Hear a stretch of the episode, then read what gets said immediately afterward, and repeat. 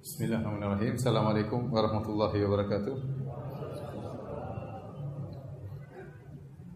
Alhamdulillahi ala ihsani wa syukru lahu ala taufiqihi wa amtinani wa asyhadu an la ilaha illallah wahdahu la syarika lahu ta'ziman li sya'ni wa asyhadu anna Muhammadan abduhu wa rasuluhu da'ila ridwani Allahumma salli alaihi wa ala alihi wa ashabihi wa ikhwani. Hadirin dan hadirat yang dirahmati oleh Allah Subhanahu wa taala. Alhamdulillah Puji dan syukur kita panjatkan kepada Allah yang terus memberikan kita karunia sehingga kita bisa menyambung penghambaan kita kepada Allah sehingga bisa sholat maghrib berjamaah. Semoga sholat kita diterima oleh Allah Subhanahu Wa Taala. Salawat dan salam tercurahkan selalu kepada junjungan kita Nabi Muhammad Sallallahu Alaihi Wasallam juga kepada keluarganya serta seluruh sahabat beliau tanpa terkecuali. Pada kesempatan kali ini kita akan bahas tentang tafsir dari surat Al-A'la. Surat Al-A'la. Uh, surat Al-A'la adalah surat yang istimewa yang dikenal oleh uh, banyak kaum muslimin sering dibacakan oleh para imam ya dalam salat-salat secara umum. Apalagi yang senantiasa atau sering melakukan salat witir maka disunahkan baginya untuk membaca surat Sabbihisma rabbikal a'la di rakaat yang pertama. Kemudian rakaat kedua qul ya ayyuhal kafirun. Dan rakaat ketiga adalah qul huwallahu ahad Demikian juga sering dibacakan dalam solat Id, demikian juga sering dibacakan dalam solat Jumat sebagaimana dicontohkan oleh Nabi sallallahu alaihi wasallam. Dalam satu riwayat Ali bin Abi Thalib berkata, "Kana Rasulullah sallallahu alaihi wasallam yuhibbu hadhihi surah, Sabbih isma rabbikal a'la." Sungguhnya Nabi sallallahu alaihi wasallam cinta dengan surat ini, Sabbih isma rabbikal a'la. Di sini riwayat Imam Ahmad, tapi sanadnya bermasalah ya. Cuma disebutkan dalam hadis ini Nabi SAW cinta dengan surat Sabihisma Rabbikal A'la. Kemudian juga dalam riwayat yang lain dari Numan bin Bashir beliau berkata, "Kana Rasulullah sallallahu alaihi wasallam yaqra'u fil aidain fil aidain wa fil jum'ati sabbih bi sabbihisma rabbikal a'la wa hal ataka hadithul ghasyiyah."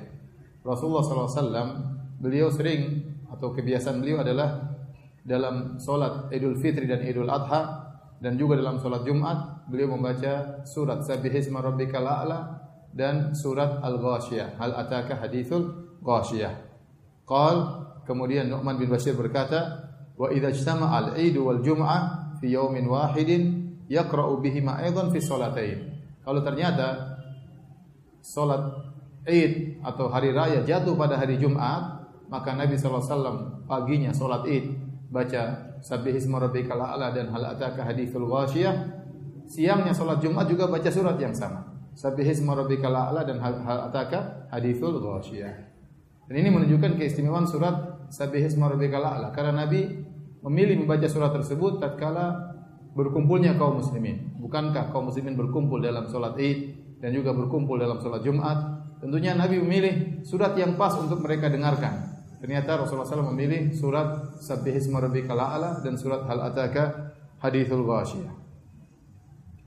Uh, disebutkan juga dalam hadis tentang surat Sabis Marbikal A'la, Sabis Marbikal A'la termasuk surat yang dianjurkan oleh Nabi untuk dibaca tatkala salat Isya. Tatkala salat Isya. Sebagaimana hadis yang masyhur tatkala Muad bin Jabal radhiyallahu taala anhu mengimami kaum Ansar atau dia mengimami para sahabat yang lain mengimami kaumnya dalam salat Isya.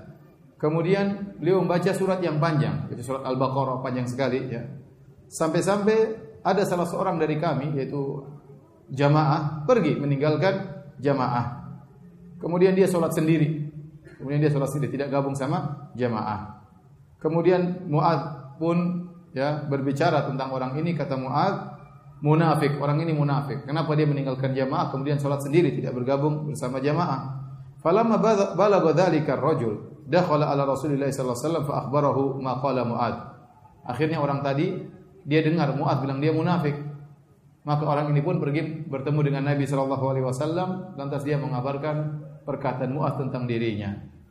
Maka Rasulullah SAW pun mengambil memanggil Mu'ad. Lalu Rasulullah SAW menegur Mu'ad bin Jabal radhiyallahu anhu. Kata Rasulullah SAW, ya, "Aturidu an takuna fatanan ya Mu'ad? Apakah kau ingin menjadi penimbul fitnah wahai Mu'ad? Jangan buat fitnah wahai Mu'ad. Idza amamtan nasa faqra bis syamsi wa duhaha. Kalau kau menjadi imam salat Isya, faqra maka bacalah surat wasyamsi wa duhaha. Wasabbihisma rabbikal a'la dan bacalah juga surat apa? Sabbihisma rabbikal a'la. Kemudian bacalah ya wal laili idza yaghsha. Jadi ini di antara surat-surat yang dianjurkan oleh Nabi untuk dibaca tatkala salat Isya. Di antaranya surat Sabbihisma rabbikal a'la atau yang panjangnya sekitar itu ya. Maka ini dalil bahwasanya kalau orang menjadi imam, dia harus memperhatikan jangan merepotkan makmum ya. Sebagian imam mentang-mentang hafalannya banyak, dia murojaah tatkala jadi imam. Jangan itu murojaah di rumah. Kalau jadi imam, ya, jangan baca panjang-panjang, kasihan makmum di di belakang ya.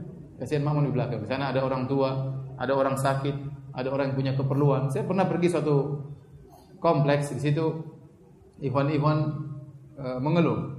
Kata mereka, "Ustaz, kalau si fulan jadi imam, saya tahu ada orang kalau dia datang ke masjid tahu si fulan jadi imam dia pulang lagi." Persis Mu'adz bin Jabal radhiyallahu taala. dia pulang lagi karena dia tahu ini bakalan lama. Bakalan lama dia bakalan letih mending dia pulang di rumah salat salat sendiri. Seorang ya eh, jangan menjadi fitnah bagi makmum. Oleh karena juga saya ingatkan juga bahwasanya kalau sudah selesai salat ya kita juga jangan terlalu lama berzikir. Sebagian orang tidak enak mau berdiri sementara imamnya masih apa? Berzikir ya. Sedangkan salat saja. Jangan terlalu lama. Mengingat kondisi makmumin bagaimana lagi? Hanya sekedar ritual setelah setelah sholat ya. Tapi orang harus tunggu sampai zikir selesai harus sambil sampai sholawat selesai. Ini terlalu lama. Ya orang banyak keperluan. Mau sholat saja kita tidak boleh menahan makmum ya. Apalagi hanya sekedar zikir ya. Maka seorang imam jangan mengikat makmumnya dengan hal tersebut ya yang mau pergi pergi yang penting dia sudah assalamualaikum assalamualaikum dia punya keperluan silakan silakan pergi Baik. Para ulama khilaf tentang surat Sabbihisma rabbikal a'la atau surat Al-A'la ini, apakah dia surat Madaniyah atau surat Makkiyah? Sebagaimana sering kita sampaikan, surat Makkiyah adalah surat yang turun sebelum Rasulullah SAW berhijrah. Adapun surat Madaniyah adalah surat yang turun setelah Nabi berhijrah. Jumhur al-mufassirin kalau saya katakan jumhur artinya mayoritas. Mayoritas ahli tafsir menyatakan bahwasanya surat Al-A'la adalah surat Makkiyah, turun sebelum Nabi berhijrah. Nanti akan kita sebutkan dalilnya. Adapun sebagian ulama dari kalangan ahli tafsir menyatakan bahwanya surat Al-A'la adalah surat Mada, surat Madaniyah yang turun setelah Nabi berhijrah. Kenapa mereka mengatakan surat Al-A'la adalah surat Madaniyah? Karena dalam surat Al-A'la ada firman Allah, "Qad aflaha man tazakka wa dzakara asma rabbi fasalla." Yang artinya sungguh beruntung orang yang telah mensucikan diri. Man tazakka mereka artikan sungguh beruntung orang yang bayar zakat. Man tazakka sungguh beruntung orang yang bayar zakat. Wa dzakara asma rabbih fasalla dan mengingat nama Tuhannya lalu dia salat. Maksudnya salat salat Id kata mereka. Dan dua syariat ini, salat Id dan membayar zakat tidaklah disyariatkan kepada kaum muslimin kecuali setelah mereka sampai di Madinah kecuali setelah Nabi di di Madinah sehingga mereka berdalil bahwasanya surat Al-A'la adalah surat Madaniyah karena syariat zakat dan sholat id tidaklah disyariatkan kecuali setelah Nabi berhijrah ke kota Madinah. Adapun yang berpendapat dan ini adalah mayoritas ulama yang menyatakan bahwasanya surat Al-A'la adalah surat Makkiyah dalil mereka eh, sangat jelas dalam Sahih Bukhari. Saya bacakan dari sahabat Al-Bara' bin Azib radhiyallahu anhu ia berkata, "Awwala man qadima alaina min ashabin Nabi sallallahu alaihi wasallam Mus'ab bin Umair." Yang pertama datang kepada kami untuk berdakwah di kota Madinah, kata Al-Bara bin Azib, adalah Musa bin Umair. Jadi Rasulullah SAW mengirim Musa bin Umair untuk berdakwah di kota Madinah. Dan subhanallah Musa bin Umair ini orang yang sangat hebat dalam berdakwah, sangat lembut, orang yang cerdas, yang telah mengalami masa pernah jadi pemuda yang sangat kaya raya dan juga pernah menjadi pemuda yang sangat miskin sehingga dia istilahnya supel, pandai menempatkan diri, dia tahu bagaimana bergaul dengan orang kaya, dia tahu bagaimana bergaul dengan orang miskin, dia pernah menjalani dua-duanya dan dia cerdas, maka dia dipilih oleh Nabi untuk berdakwah. Dia dipilih oleh Nabi untuk berdakwah di kota Madinah dan dakwanya berhasil. Banyak orang masuk Islam berkat dakwanya Muad uh, siapa Musa bin bin Umair ya. Nabi datang, para sahabat sudah banyak masuk Islam waktu berhijrah. Ya, oleh karenanya tatkala perang uh, perang Badar dan perang Uhud, Musa bin Umair yang memegang bendera kaum Muhajirin ya. Dimuliakan oleh Nabi Shallallahu alaihi wasallam mengingat jasanya yang luar luar biasa. Kata Al-Bara bin Azib, dia berkata, yang pertama kali datang kepada kami diutus oleh Nabi adalah Musa bin Umar, kemudian Wabnu Ummi Maktum, kemudian Ibnu Ummi Maktum, sahabat juga. Faja'ala yukri'anina Al-Qur'an dan keduanya mengajarkan kepada kami Al-Qur'an.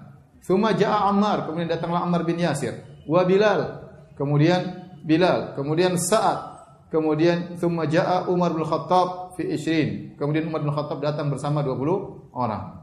Thumma ja'a Nabi sallallahu alaihi wasallam, kemudian akhirnya datang Rasulullah SAW berhijrah. Falamma ra'aitu ahlal Madinati fama ra'aitu ahlal Madinati farihu bi syai'in farahahum bihi hatta ra'aitu al-wala'id wasibyan yaqulun hadza Rasulullah sallallahu alaihi wasallam qad ja'a. Ya. Sehingga aku tidak melihat penduduk kota Madinah sangat gembira seperti gembira mereka tatkala datangnya Rasulullah sallallahu alaihi wasallam.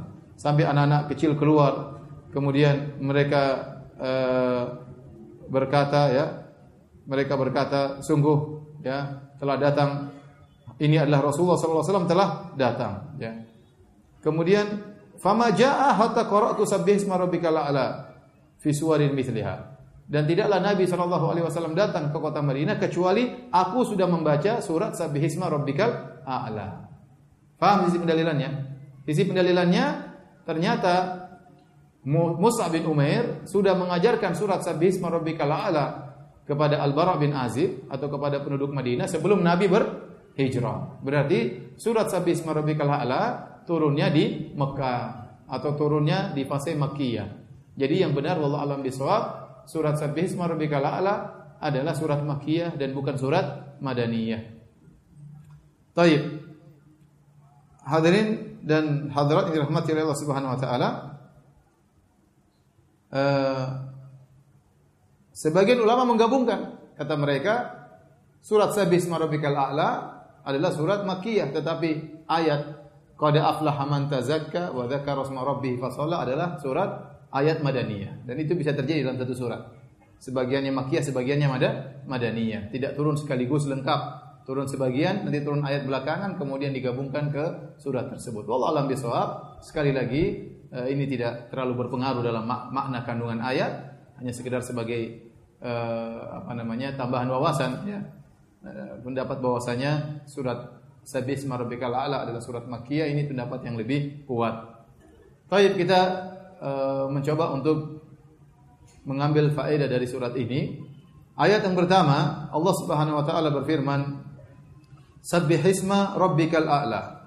Sabbih artinya sucikanlah nama Tuhanmu yang maha tinggi. Al-a'la artinya yang maha tinggi.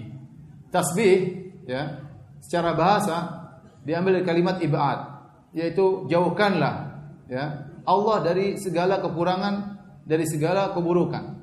Sehingga kalau kita artikan dalam bahasa Indonesia kita artikan biasanya sucikanlah, sucikanlah.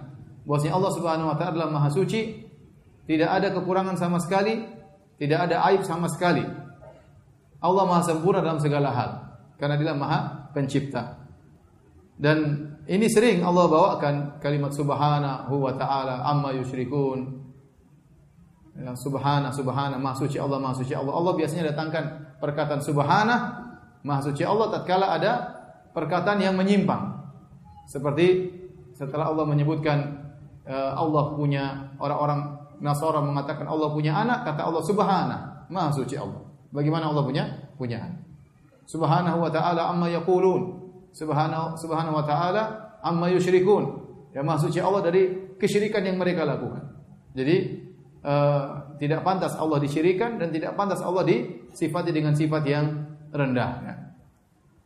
dan ini dalam Islam kalau kita pelajari tentang Allah Subhanahu wa taala maka Allah Maha sempurna dalam segala hal. Tapi kalau Anda baca misalnya dalam Alkitab ya, kitab sucinya orang-orang ahlul kitab ya banyak sekali hal-hal di situ mensifati Allah dengan sifat kekurangan, sifat yang menunjukkan kelemahan dan kekurangan Allah Subhanahu wa taala. Sebagai contoh dalam kitab Kejadian 6 yang bawah silakan buka.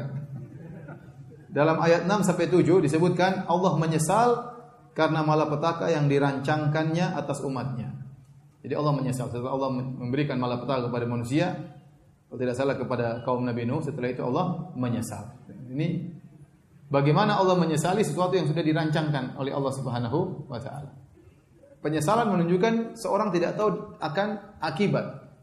Kalau dia tahu akan akibat ngapain dia menyesal. Jadi ini menunjukkan e, pencelaan terhadap Allah Subhanahu wa taala di mana Allah disifati dengan penyesalan. Kemudian juga dalam kitab Keluaran 32 ayat 14 disebutkan Allah menyesal menjadikan Saul raja atas Israel. Allah menyesal lagi. Kemudian juga dalam kitab Samuel 1 15 ayat 35 disebutkan juga bahwa Allah mencari-cari Nabi Adam yang bersembunyi. Ya. Lihat juga Alkitab Kejadian 3 ayat 9 sampai 10. Allah juga tidak tahu ternyata Nabi Adam dan Hawa telah memakan buah yang dilarang. Lihat Alkitab Kejadian 3 ayat 11. Disebutkan juga Allah istirahat karena letih setelah menciptakan langit dan bumi dalam enam hari. Sehingga hari ketujuh Allah istirahat. Lihat kitab Kejadian 2 ayat 2. Ini disebut dalam Alkitab. Jadi Allah menciptakan langit dan bumi enam masa. Nah, hari tujuh Allah ngapain? Kenapa tidak kerja? Berarti Allah isti istirahat. Dan ini dibantah oleh Allah Subhanahu wa taala. Wa laqad khalaqna as-samawati wal arda wa ma bainahuma fi sittati ayyamin wa ma masana min lughub dalam surat Qaf. Kata Allah sungguh kami telah menciptakan langit dan bumi dan apa yang ada di antara keduanya dalam waktu enam hari dan kami tidak ditimpa dengan keletihan sama sekali kata Allah Subhanahu wa taala. Ya. Tidak ditimpa dengan keletihan sama sama sekali. Luguf itu adalah keletihan yang muncul setelah orang beraktivitas. Ya. Adapun nasab adalah keletihan yang muncul tatkala orang sedang bekerja. Ada orang tatkala bekerja dia tidak merasa letih. Begitu selesai bekerja, dia merasa letih. Allah tidak ditimpa dengan ini dan ini sama sekali tidak. Jangankan Allah, penghuni surga kata Allah Subhanahu wa taala, mereka mengatakan la yamassuna fiha nasabun wa la yamassuna fiha lugu. Kami tidak ditimpa oleh nasab dan tidak ditimpa dengan lugu di surga. Di surga kalau Anda masuk surga Anda beraktivitas mau main-main sana sini, main bola, main sama bidadari, mau kejar-kejaran, mau petak umpet, tidak akan apa? letih. Setelah selesai main juga tidak akan ada tidak ada keletihan. Keletihan tatkala beraktivitas tidak ada, keletihan setelah beraktivitas juga tidak ada. Kalau ini berlaku pada manusia, apalagi pada pencipta. Sedih orang bertanya, Ustaz, kenapa disebutkan Allah menciptakan langit dan bumi enam hari? Kenapa harus enam hari? Allah menjelaskan, Allah bisa menciptakan dalam satu kejap, sekejap, kun fayakun. Idza arada syai'an yaqul lahu kun fayakun. Jika Allah ingin menciptakan suatu, Allah hanya mengatakan jadi maka jadilah. Namun kenapa Allah ciptakan dalam waktu enam hari? Kata para ulama, Allah punya hikmah yang Allah kehendaki. Di antaranya Allah menunjukkan kepada malaikat bahwasanya Allah menciptakan dengan luar biasa sehingga malaikat melihat sedikit demi sedikit tahapan-tahapan. Seandainya tiba-tiba terjadi, bisa jadi ada pemikiran bahwasanya ini terjadi dengan sendirinya. Tetapi tatkala terjadi dengan tahapan maka melihat malaikat melihat keagungan Allah hari demi hari luar biasa apa yang dilihat oleh para para malaikat sehingga Allah menciptakan dengan tahapan. Sebagaimana Allah menciptakan banyak perkara dengan tahapan seperti manusia lahir melalui tahapan ada proses pernikahan, kemudian hamil, ya, kemudian melahirkan baru muncullah manusia. Seandainya kalian semua diciptakan tanpa ada pernikahan, ya, maka kita nggak pernah tahu nikmatnya pernikahan. Tahu-tahu manusia semua sudah muncul tanpa ada pernikahan. Ada hikmah di balik itu. Intinya Allah menciptakan langit dan bumi enam hari bukan berarti hari ketujuh Allah istirahat. Sebagaimana orang-orang Yahudi mereka mensucikan hari Sabtu karena ikut liburan bersama liburnya Allah Subhanahu wa taala. Kemudian juga yang lebih parah juga disebutkan Allah bergulat dengan Nabi Yakub. Berduel dengan Nabi Yakub dan akhirnya Nabi Yakub yang menang. Lihat kitab Kejadian 32 ayat 28 sampai 20 20 sampai 28 dan kitab Hosea 12 ayat 2 sampai 4. Hal-hal seperti ini musal kita dapatkan dalam Al-Qur'an. Karena Al-Qur'an dibangun di atas sabbihisma rabbikal a'la. Sucikanlah nama Tuhan. Sucikanlah dari segala kekurangan, sucikan dari segala keburukan dan itu tidak akan kita dapatkan dalam Al-Qur'anul Karim. Taib. Uh, demikian juga di antara bentuk pensucian terhadap Allah Subhanahu wa taala tidak boleh kita menyamakan sifat Allah dengan sifat makhluk. Ya, meskipun secara makna sama tetapi hakikatnya berbeda. Sebagaimana kata Allah Subhanahu wa taala, "Laisa kamitsli syai' wa huwa samiul basir." Tidak ada satupun yang serupa dengan Allah dan Allah Maha melihat, lagi Allah Maha mendengar. Allah melihat, Allah mendengar. Makhluk juga melihat dan makhluk juga mendengar. Tetapi pendengaran Allah tidak sama dengan pendengaran makhluk. Penglihatan Allah tidak sama dengan penglihatan makhluk. Sebagaimana makhluk ada zatnya, Allah juga punya zat.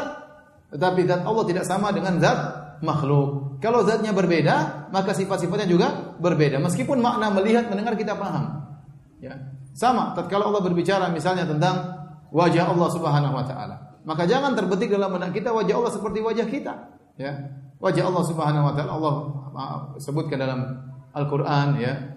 Uh, bagaimana wajah Allah yang yang mulia, kemudian juga disebutkan dalam hadis-hadis ya Bahkan doa Nabi SAW, As'aluka ladzatan nadhari ila wajhikal karim. Ya Allah, aku mohon kepadamu kenikmatan, anugerah, kelezatan memandang wajahmu yang yang mulia. Ya. Kemudian uh, wajah Allah ada cahaya di wajah Allah Subhanahu wa taala ya. Oleh karenanya tidak bisa disamakan dengan wajah uh, manusia ya. Makanya kalau ada orang terbetik wajah Allah seperti wajah manusia, maka ini tidak benar. Banyak orang, sebagian orang tatkala dia memandang menganggap wajah Allah seperti wajah manusia, akhirnya dia mengatakan Allah tidak punya tidak punya wajah. Kita bilang Allah memiliki wajah tapi wajahmu wajah Allah tidak sama seperti wajah kita. Wajah Allah tidak sama seperti wajah antum ya. Kalau wajah Allah orang melihat, maka dia akan merasakan kelezatan yang luar biasa. Bahkan puncak kelezatan di surga adalah melihat wajah Allah Subhanahu wa taala. Kalau orang sudah melihat wajah Allah melupakan segala kenikmatan yang lainnya. Itu puncak kenikmatan melihat wajah Allah Subhanahu wa taala. Bagaimana mau disamakan dengan wajahmu? Kalau mau lihat lama-lama bisa muntah. Jadi jangan menyamakan wajah Allah dengan wajah manusia. Ya, sama, jangan menyamakan tangan Allah dengan tangan manusia. Sama-sama punya tangan tapi berbeda. Kata Allah Subhanahu wa taala, "Wa ma qadarullah haqqa qadri wal ardu jami'an qabdatuhu yaumal qiyamah was samawati matwiyatun bi yamini." Mereka tidak mengagungkan Allah sebagaimana mestinya. Padahal pada hari kiamat kelak bumi dalam genggaman Allah. Ya, kemudian langit dilipat oleh tangan kanan Allah Subhanahu wa taala. Ya, sangat luar luar biasa bagaimana agungnya tangan Allah Subhanahu wa taala. Maka jangan terbetik sifat Allah seperti sifat manusia. Jika zatnya berbeda, maka konsekuensinya sifatnya juga berbeda. Paham tidak? Jadi di antara bentuk pensucian kita tidak boleh menyamakan sifat Allah dengan sifat makhluk. Tapi Allah Subhanahu wa taala berfirman, Sabbihisma rabbikal a'la. Sucikanlah nama Tuhanmu yang maha maha tinggi.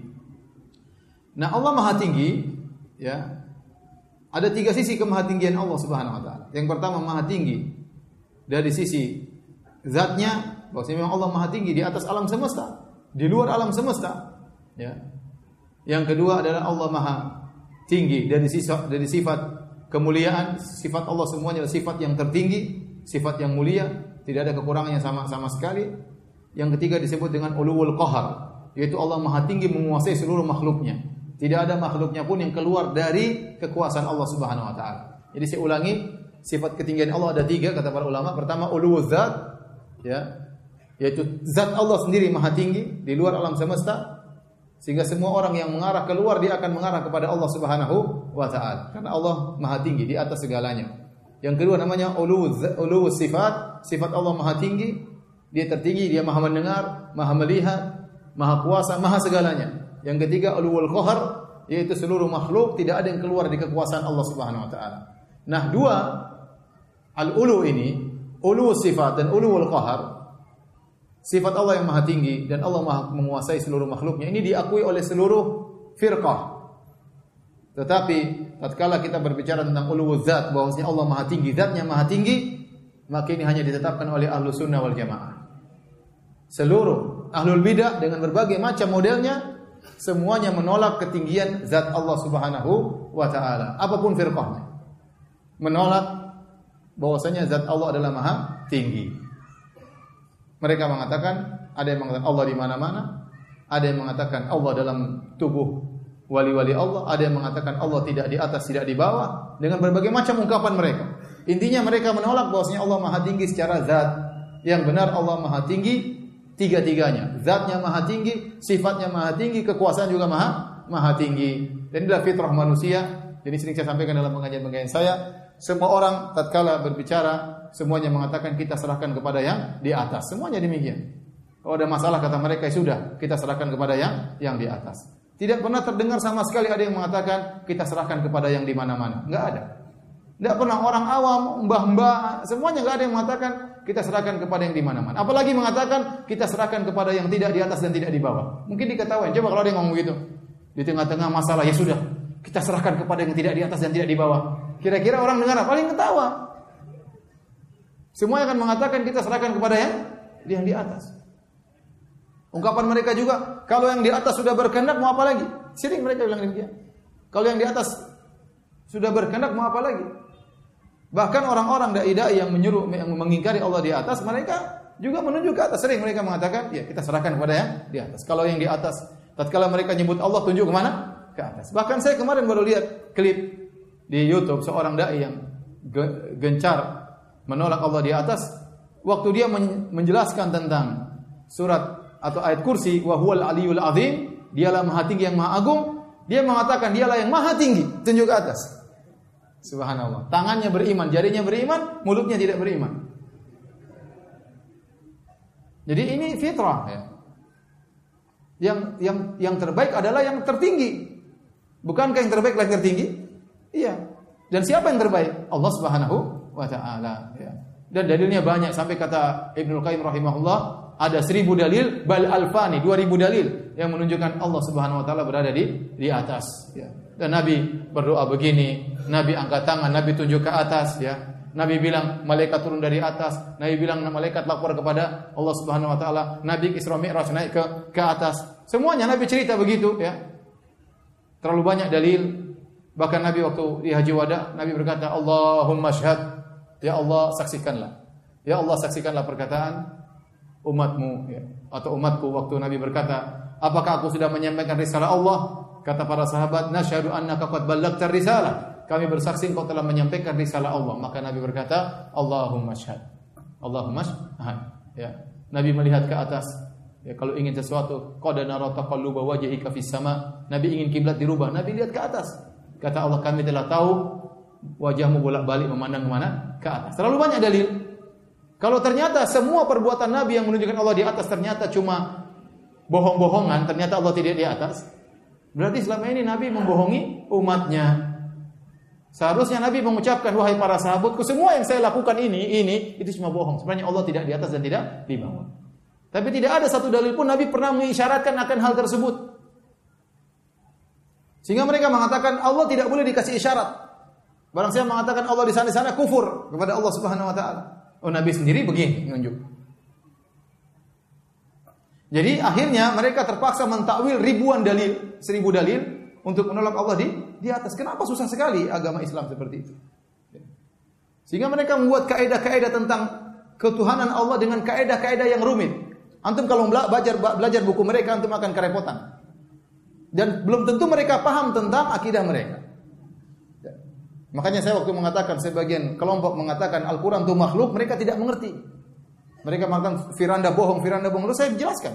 Saya sebutkan dari buku-buku mereka. Baru mereka terdiam. Ternyata memang mereka mengatakan Al-Quran itu makhluk. Artinya mereka tidak paham tentang isi akidah mereka. Karena akidah mereka sangat sulit untuk dipahami. Terutama berbicara tentang ketuhanan. Adapun akidah al-sunnah mudah selesai. Allah maha tinggi, Allah selesai. Apa susahnya? Ya. Padahal agama Islam itu apa? Mudah. Agama Islam itu apa? Mudah. Ya. Tatkala masuk racun filsafat, masuk dalam masalah akidah, jadilah mempelajari akidah seperti sangat sulit luar luar biasa apalagi berbicara tentang ketuhanan Allah Subhanahu wa taala. Baik. Kita lanjutkan kata Allah Subhanahu wa taala ayat kedua alladzi khalaqa fasawwa. Yang menciptakan lalu menyempurnakan. Sungguhnya Allah Subhanahu wa taala e, menciptakan makhluk dan Allah menyempurnakan penciptaan-penciptaannya sehingga kita bisa saksikan bagaimana kehebatan ciptaan-ciptaan Allah Subhanahu wa taala yang sungguh indah dan sangat menakjubkan. Ya. Uh, saya kemarin pas berjalan bersama uh, Syekh Saleh Sindi ya. Hafizahullah taala. Beliau tuh banyak sekali baca. Kita masuk di apa namanya? Taman Safari. Waktu itu kita masuk pada asar jadi kosong mampir di hewan ini. Setiap hewan mampir dia bilang, Firanda ini hewan begini begini begini. Kok saya lebih tahu daripada saya? Jadi ketemu lagi hewan ini sampai sampai kita berhenti di, di jerapah. Kata dia Firanda ini jerapah. Mungkin dia baru pertama kali lihat juga. Tapi dia sudah sering baca. Jerapah ini kepalanya tinggi, jauh dari apa? Jantungnya. Kalau kalau antum pelajari bagaimana proses jantungnya sehingga bisa memompa darah sampai di kepalanya bolak-balik, orang kalau belajar dengan baik bisa masuk Islam. Maksudnya setiap ciptaan Allah itu ada apa? Ada keajaiban. Sampai saatnya kita sampai di beruang. Beruang kelihatannya lucu dan macam-macam kata dia. Ini beruang menurut penelitian pernyataan uh, seorang uh, peneliti bahwasanya di antara 10 makhluk yang paling banyak membinasakan manusia. Nomor 10 adalah beruang. Nomor satu siapa sih? Nomor satu manusia itu sendiri. Di mana-mana manusia mati kebanyakan gara-gara manusia ya yang lain. Adapun gara-gara macan, gara-gara singa apalagi beruang lebih sedikit. Nomor satu manusia. Intinya banyak sekali. Kita bicara tentang kubu-kubu, bicara tentang lalat, tentang nyamuk, banyak sekali keajaiban itu menunjukkan ini semua terjadi bukan bukan dengan tanpa sengaja, bukan kebetulan, tapi diciptakan oleh Maha Pencipta yang sangat ihkam ciptaannya, sangat kokoh, sangat hebat ciptaannya, ya. Kita aja diri kita wa fi anfusikum afala? Apakah diri kalian tidak kalian lihat bagaimana menakjubkan makhluk manusia itu? Bagaimana? Jadi itu bisa tanyakan kepada para dokter tentang sistem metabolisme, tentang sistem ginjal, tentang sistem jantung, tentang sistem penglihatan, tentang sar luar biasa. Semuanya ini tidak mungkin terjadi dengan sendirinya. Makanya Allah berfirman, "Alladzi khalaqa fasawwa", yang telah menciptakan dan telah menyempurnakan penciptaannya. Kemudian kata Allah Subhanahu wa taala, "Wallazi qaddara fahada." Dan dialah Allah yang telah menentukan kadar masing-masing dan memberi petunjuk. Memberi petunjuk di sini ditafsirkan oleh banyak ahli tafsir maksudnya memberi petunjuk dalam hidayah kauniyah. Hidayah kauniyah itu maksudnya berkaitan dengan masalah uh, kehidupan seperti misalnya uh, kambing tatkala melahirkan anaknya ya, tahu-tahu anaknya diberi insting oleh Allah untuk langsung mencari puting induknya untuk menyusui. Padahal ibunya tidak pernah mengajarkannya kepada anaknya tersebut, ibunya tidak juga tidak mendekat-dekatkan putingnya kepada sang anak. Tapi sang anak dari mana dia bisa tahu? Tahu-tahu dia harus mencari apa? Puting ya. Kenapa dia tidak ngelum yang lainnya? Kenapa dia milihnya puting? Ini eh, ini namanya hidayah dari Allah Subhanahu wa taala ya. ya. Sama, kita laki-laki kok bisa suka sama perempuan? Ya dari mana? Begitu coba. Bisa suka dengan perempuan, bisa tertarik melihat perempuan ya. Itu dari Allah, Allah yang ngatur. Allah memberikan isi, Allah memberikan hasrat, ya. Padahal kalau ada sapi ngelihat cewek cantik dia tidak tertarik. Mungkin ceweknya cantik sekali, sapi ngelihat dia santai-santai aja, tidak ada hasrat yang timbul. Tapi kalau lihat sapi semisalnya yang buruk rupa dia tertarik. Jadi itulah hasrat. Itu menunjukkan Allah yang menentukan hasrat tersebut. Dan tidak mungkin terjadi dengan sendiri, nggak mungkin. Kalau terjadi dengan sendirinya bisa-bisa ada manusia suka sapi, manusia suka kuda, manusia suka monyet, tapi kenyataannya tidak. Ini berarti ada pencipta yang benar-benar menciptakannya dengan dengan teliti, dengan teliti ya. Kemudian saya kadang apa namanya lihat misalnya obat-obatan. Bicara herbal, ini obat ini, obat ini. Manusia tahu dari mana coba? Apabila orang coba-coba begitu?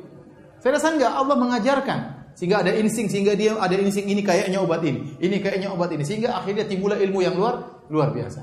Bukan coba terus mati, coba mati.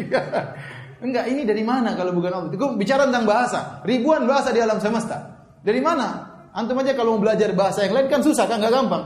Tiba-tiba anak kecil berkembang, tahu dia bisa ngomong dengan begitu mudahnya. Siapa yang mengajarkan mereka suku yang tidak begitu jauh, kemudian bahasanya berbeda dan ini punya bahasa yang lengkap, ini juga punya bahasa yang lengkap. Ya, kalau bukan itu adalah tanda-tanda kekuasaan Allah Subhanahu wa taala. Tidak mungkin terjadi dengan sendirinya. Siapa yang ngajarin? Alladzi khalaqa walladzi qaddara fahada yang telah memberikan takarannya dan beri petunjuk ya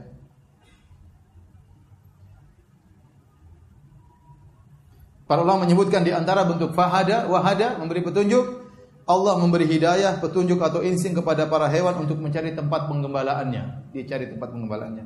Di antaranya Allah memberi petunjuk bagaimana seekor jantan mendatangi betina, meskipun tidak ada yang pernah ngajarin. Tahu-tahu dia tahu bagaimana cara mendatangi betina.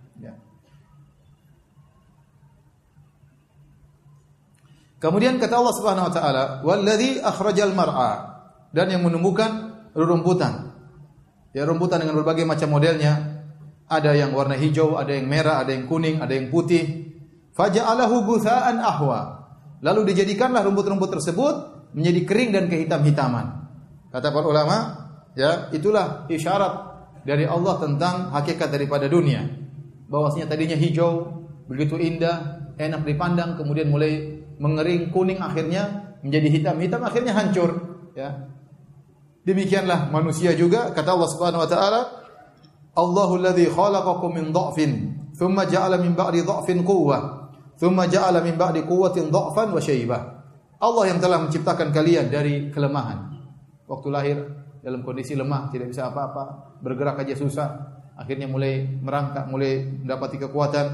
Thumma ja'ala min ba'di dha'fin quwwah, setelah itu Allah berikan kekuatan menjadi pemuda yang gagah sampai usia 40 tahun menjadi kuat. Setelah itu thumma ja'ala min ba'di quwwatin dha'fa. Dha'fan kemudian setelah kuat menjadi lemah. Banyak orang bilang Ustaz kalau sudah umur 40 tahun nanti antum akan merasakan perubahan ya. Jadi mudah lelah, pandangan mulai ini, pendengaran mulai ini, tidak seperti waktu masih sebelum 40 tahun. Banyak yang mengatakan kepada saya demikian. Allah alam bisawab, saya sebentar lagi 40 tahun, belum ya? Masih 38 ya. Masih ada satu tahun lebih buat makan seenak-enaknya. Katanya kalau sudah 40 tahun Ustaz, hati-hati makan, jangan sembarangan. Intinya setelah itu manusia tidak lemah, jadi kuat, kemudian jadi lemah lagi. Kemudian syaiba menjadi tua. Tua berarti sudah meninggal dunia. Ya sama seperti daun tadi, yang tadinya hijau indah dipandang, kemudian mulai berubah mengering kuning, kemudian akhirnya menjadi hitam. Kata Allah Subhanahu wa taala, "Sanuqri'uka fala tansa." Kami akan bacakan Al-Qur'an kepadamu sehingga engkau tidak akan lupa. Apa maksudnya engkau tidak akan lupa ya? Maksudnya kata para ulama bahwasanya Allah Subhanahu wa taala waktu menurunkan Al-Qur'an kepada Nabi, Allah menjadikan Nabi hafal Al-Qur'an tersebut. Makanya waktu turun ayat kepada Nabi SAW, Nabi berusaha mengikuti bacaan Jibril agar tidak lupa. Maka Allah tegur, la tuharrik bihi lisanaka lita'jala bih. Kata Allah tidak perlu kau goyangkan lisanmu untuk segera bisa menghafal Al-Qur'an. Tidak perlu, dengar aja dari malaikat Jibril. Kata Allah, "Inna alaina jam'ahu wa Qur'ana." Kami akan mengumpulkan Al-Qur'an pada dirimu sehingga kau menjadi hafal dan kami akan bacakan Al-Qur'an kepadamu. Nabi pertama kali turun ayat dia berusaha untuk baca supaya tidak tidak lupa. Maka Allah tegur tidak usah baca. Diam saja, dengar saja, nanti tiba-tiba sudah sudah hafal. Yang buat hafal siapa? Allah Subhanahu wa taala. Kemudian kata Allah Subhanahu wa taala, "Illa ma Allah." Kecuali jika Allah menghendaki, ya. Jika Allah menghendaki ada ayat yang Nabi lupa dalam solatnya kemudian ditegur oleh para sahabat sehingga Nabi ingat, ya. Atau ayat tersebut akhirnya dilupakan oleh Allah karena dimansuhkan oleh Allah Subhanahu wa taala. Karena ayat-ayat dalam Al-Qur'an ada nasikh mansuh. Ada ayat yang turun di awal-awal kemudian dimansuhkan oleh Allah Subhanahu wa taala kemudian Allah menjadikan Nabi lupa dengan ayat tersebut. Ya, ini terserah Allah. Makanya Allah mengatakan, "Fala tansa ila masya Allah." Kau tidak akan lupa kecuali atas kehendak Allah. Itu pada ayat-ayat yang sudah dimansuhkan oleh Allah Subhanahu wa taala. Kemudian kata Allah Subhanahu wa taala, "Innahu ya'lamul jahra wa ma yakhfa." Sungguhnya Allah mengetahui yang nampak dan yang tersembunyi. Allah yang tahu nampak dan yang tersembunyi.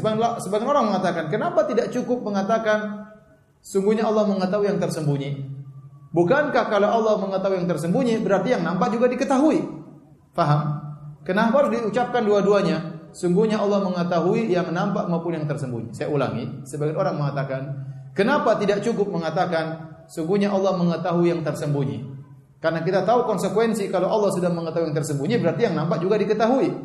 Ngapain sebut dua-duanya? Sungguhnya Allah mengetahui yang nampak dan tersembunyi. Sebagian orang menjawab, karena Allah menyebutkan dua-duanya. Allah mengetahui yang yang nampak dan tersembunyi. Maksudnya bagi Allah sembunyi dan nampak sama saja, nggak ada bedanya. Nggak ada bedanya. Allah melihat yang nampak dan tersembunyi seperti Allah melihat yang tersembunyi sama seperti melihat yang yang nampak. Allah mengetahui yang tersembunyi sama seperti yang yang tampak. Dari sini para hadirin kita harus waspada. Ingatlah bahwasanya penilaian Allah bahkan penilaian malaikat tatkala mencatat amal kegiatan kita bukan cuma yang zahir saja, bahkan yang tersembunyi dalam dada-dada kita, yang tersembunyi dalam hati kita. Kata Allah Subhanahu wa taala, "Wa asirru qaulakum aw jaharu bih, innahu alimun bidzati sudur." Kalian rahasiakan perkataan kalian atau kalian tampakkan terserah kalian. Sungguhnya Allah mengetahui apa yang ada dalam hati dada manusia. Allah berfirman, "Wa'lamu annallaha ya'lamu ma fi anfusikum fahdharu." Ketahuilah Allah mengetahui apa yang ada pada jiwa kalian, maka waspadalah. Maka ini ayat-ayat mengajarkan kita untuk bermuamalah dengan Allah dalam kondisi yakin bahwasanya Allah mengetahui isi hati kita. Jadi hati kita juga bermuamalah. Tatkala kita hasad Allah tahu. Tatkala kita dengki Allah tahu. Tatkala kita suudzon Allah tahu. Tatkala kita tawakal Allah tahu. Tatkala kita berhusnudzon kepada Allah, Allah tahu. Tatkala kita berburuk sangka kepada Allah, Allah tahu. Tatkala kita ikhlas Allah tahu, tatkala kita riya Allah tahu, tatkala ujub Allah juga tahu. Jadi jangan Anda sangka bahwa yang dinilai cuma masalah luar. Bahkan dalam hati manusia juga penilaiannya juga sangat ketat dan sangat detail. Malaikat catat. Ya.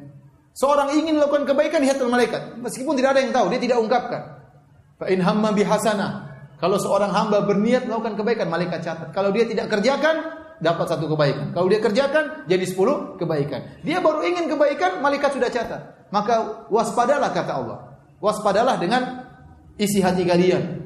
Sungguhnya pencatatan malaikat bukan hanya berkaitan dengan lisan, bukan hanya berkaitan dengan pandangan, bukan hanya berkaitan dengan pendengaran, bahkan yang gerak-gerik hati kita juga dicatat oleh malaikat. Maka seorang waspada dalam menjaga hatinya. Bahkan yang menjadi patokan utama adalah hati. Apa kata Nabi SAW dalam Sahih Muslim? Inna Allah la yanzuru ila suwarikum wa la ajsamikum, walakin yanzur ila qulubikum wa amalikum. Sungguhnya Allah tidak memandang kepada rupa kalian, kepada paras kalian, kepada fisik kalian, tapi yang Allah pandang adalah hati kalian dan amalan kalian. Yang paling utama adalah hati. Maka seorang bertakwa kepada Allah dia tahu bahwasanya ibadah bukan cuma ibadah zahir, bahkan ibadah hati juga ibadah. Banyak ibadah hati yang bisa kita lakukan sabar, pasrah, terima dengan takdir Allah, husnudzon kepada Allah. Betul banyak orang kena musibah, langsung dia suudzon. Langsung dia protes. Dia tidak terima. Ini ibadah hati. Tapi banyak orang terkena musibah juga, orang-orang soleh, langsung dia husnudzan. Ya, alhamdulillah ala kulli hal. Pasti ada kebaikan yang Allah kehendaki. Pasti ada hikmah yang Allah kehendaki. Meskipun dia tidak ungkapkan, Allah sudah tahu ungkapan hatinya. Ya. Jadi, saya ulangi firman Allah, wa'lamu annallaha ya'lamu ma fi anfusikum fahdharu. Ketahuilah bahwasanya Allah mengetahui apa yang ada dalam jiwa-jiwa kalian, maka waspadalah. Kemudian kata Allah Subhanahu wa taala,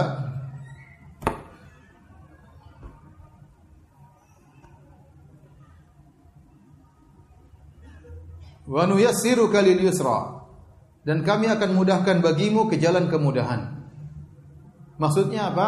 Sebenarnya menafsirkan bahwasanya uh, sebagaimana Al-Baghawi dia berkata nuwaffiquka li syari'atil yusra wa hiya al-hanafiyyatu samhah yaitu kami mudahkan engkau menuju kepada syariat yang mudah. Yaitu syariat yang Hanafiyah samha. Hanafiyah maksudnya syariat yang bertauhid. Jauh daripada kesyirikan hanya menyembah kepada Allah Subhanahu wa taala. Dan samha itu syariat yang yang mudah. Agama Islam mudah jika dibandingkan dengan agama-agama terdahulu ya memang ada pembebanan kita disuruh dibebani karena menunjukkan kita adalah hamba Allah tetapi banyak kemudahan makanya seperti haji Kata Allah Subhanahu wa taala, "Walillahi 'alan nasi hajjul baiti man istata'a ilaihi sabila." Haji itu wajib bagi yang mampu, enggak mampu ya sudah. Zakat itu wajib bagi yang mampu. Kalau tidak mampu tidak usah bayar zakat. Ya. Contoh, salat juga demikian. Ya, sholli qa'iman fa illam tastati' fa qa'idan fa illam tastati' fa ala jam. Salatlah kau dalam kondisi berdiri. Kalau kau tidak mampu maka dalam kondisi duduk. Kalau kau tidak mampu salat dalam kondisi duduk maka berbaringlah Allah beri kemudahan. Kalau kau dalam kondisi junub, maka mandi junub. Kalau tidak ada air, tayamum. Kalau kau dalam kondisi batal wudhu, silakan berwudhu. Kalau tidak ada air, maka tayamum. Ya. Ustaz, bagaimana kalau tidak ada tanah juga tidak ada? Gimana? Kok bisa? Tinggal di mana? Tuh di planet Mars tidak ada tanah. Jadi bisa jadi uh, seorang tidak bisa menggunakan tanah. Misalnya dia sakit, dia tidak boleh kena air dan tidak boleh kena tanah. Maka kata para ulama dalam kondisi tersebut, fattaqullaha masata'tum, salatlah meskipun tanpa wudu. Kenapa? Tidak mampu, maka gugurlah kewajiban. Sampai di sini aja dulu. Uh, kita azan, kemudian kita salat, kemudian kita lanjutkan. Allah taala bisawab. Bismillahirrahmanirrahim. Assalamualaikum warahmatullahi wabarakatuh. Alhamdulillah, salatu wassalamu ala Rasulillah wa ala alihi wa Uh, sesi kedua ini kita sesi tanya jawab ya karena masih banyak ayat-ayatnya, nggak mungkin kita kejar untuk selesainya. Jadi kita tunda pada pertemuan berikutnya uh, lanjutan dari tafsir surat Al-A'la. Uh, yang bertanya saya persilahkan. Taib ini ada banyak pertanyaan yang masuk. Ustaz saya mau tanya apakah ada dalilnya salat sambil megang mushaf? Enggak ada dalilnya, tapi pernah dilakukan oleh sebagian uh, sahabat. Oleh karenanya asalnya seorang sholat tidak perlu megang mushaf. Kata Allah faqra'u ma tayassara minal Qur'an. Bacalah dengan apa yang mudah dari Al-Qur'an ya. Uh, seorang baca yang dia hafal itu lebih baik dan kalau seorang baca dari apa yang dia hafal itu lebih lebih konsen, lebih menjiwai apa yang dia baca. Tetapi kalau memang ada kebutuhan, contohnya sholat taraweh, kemudian yang imam ternyata nggak punya hafalan, semuanya nggak punya hafalan, hafalan cuma juz amma doang ya. Sementara orang ingin khatam Quran misalnya selama 30 hari ingin mendengar banyak sebanyak-banyaknya dari Al-Quran, maka dalam hal ini tidak mengapa, tidak mengapa seorang untuk baca, uh, sholat sambil memegang mushaf. Ya, demikian juga uh, adapun makmum tidak perlu memegang mushaf. Tidak perlu memegang mushaf. Dan ini diingatkan oleh Syekh Utsaimin rahimahullahu taala. Sebagian makmum ketika sholat tarawih dia memegang mushaf untuk mengikuti bacaan imam. Yang Allah perintahkan kita suruh dengarkan, tidak perlu mengikuti dengan apa? bacaan. Jadi ini tidak perlu. Ini contoh pegang Quran yang tidak perlu. Ya, sehingga diingatkan oleh para ulama dari Syekh Utsaimin rahimahullahu taala. Akhirnya kita banyak melakukan gerakan yang tidak ada perlunya dan ini tidak boleh dalam salat. Ustaz, bagaimana dengan orang yang persis di belakang di belakang imam? Supaya kalau imam salah dia betulkan. Mungkin kalau ini perlu. Ya, mungkin kalau ini perlu satu orang saja tidak perlu banyak orang pegang, ya. Misalnya imamnya baca dan khawatir dia bisa lupa di tengah jalan, bisa jadi seorang di belakang memegang untuk menegurnya kalau kalau salah. Jadi intinya uh, asalnya seorang sholat tidak perlu pegang Al-Quran, tapi kalau ada keperluan maka tidak mengapa. Di antara juga kata para ulama seperti seorang sholat di rumahnya, ingin sholat sunnah, ingin sholat sunnah, kemudian ingin sholat malam, dia ingin bacaannya banyak, maka dia boleh pegang pegang Al-Quran. Ya. Paham ya?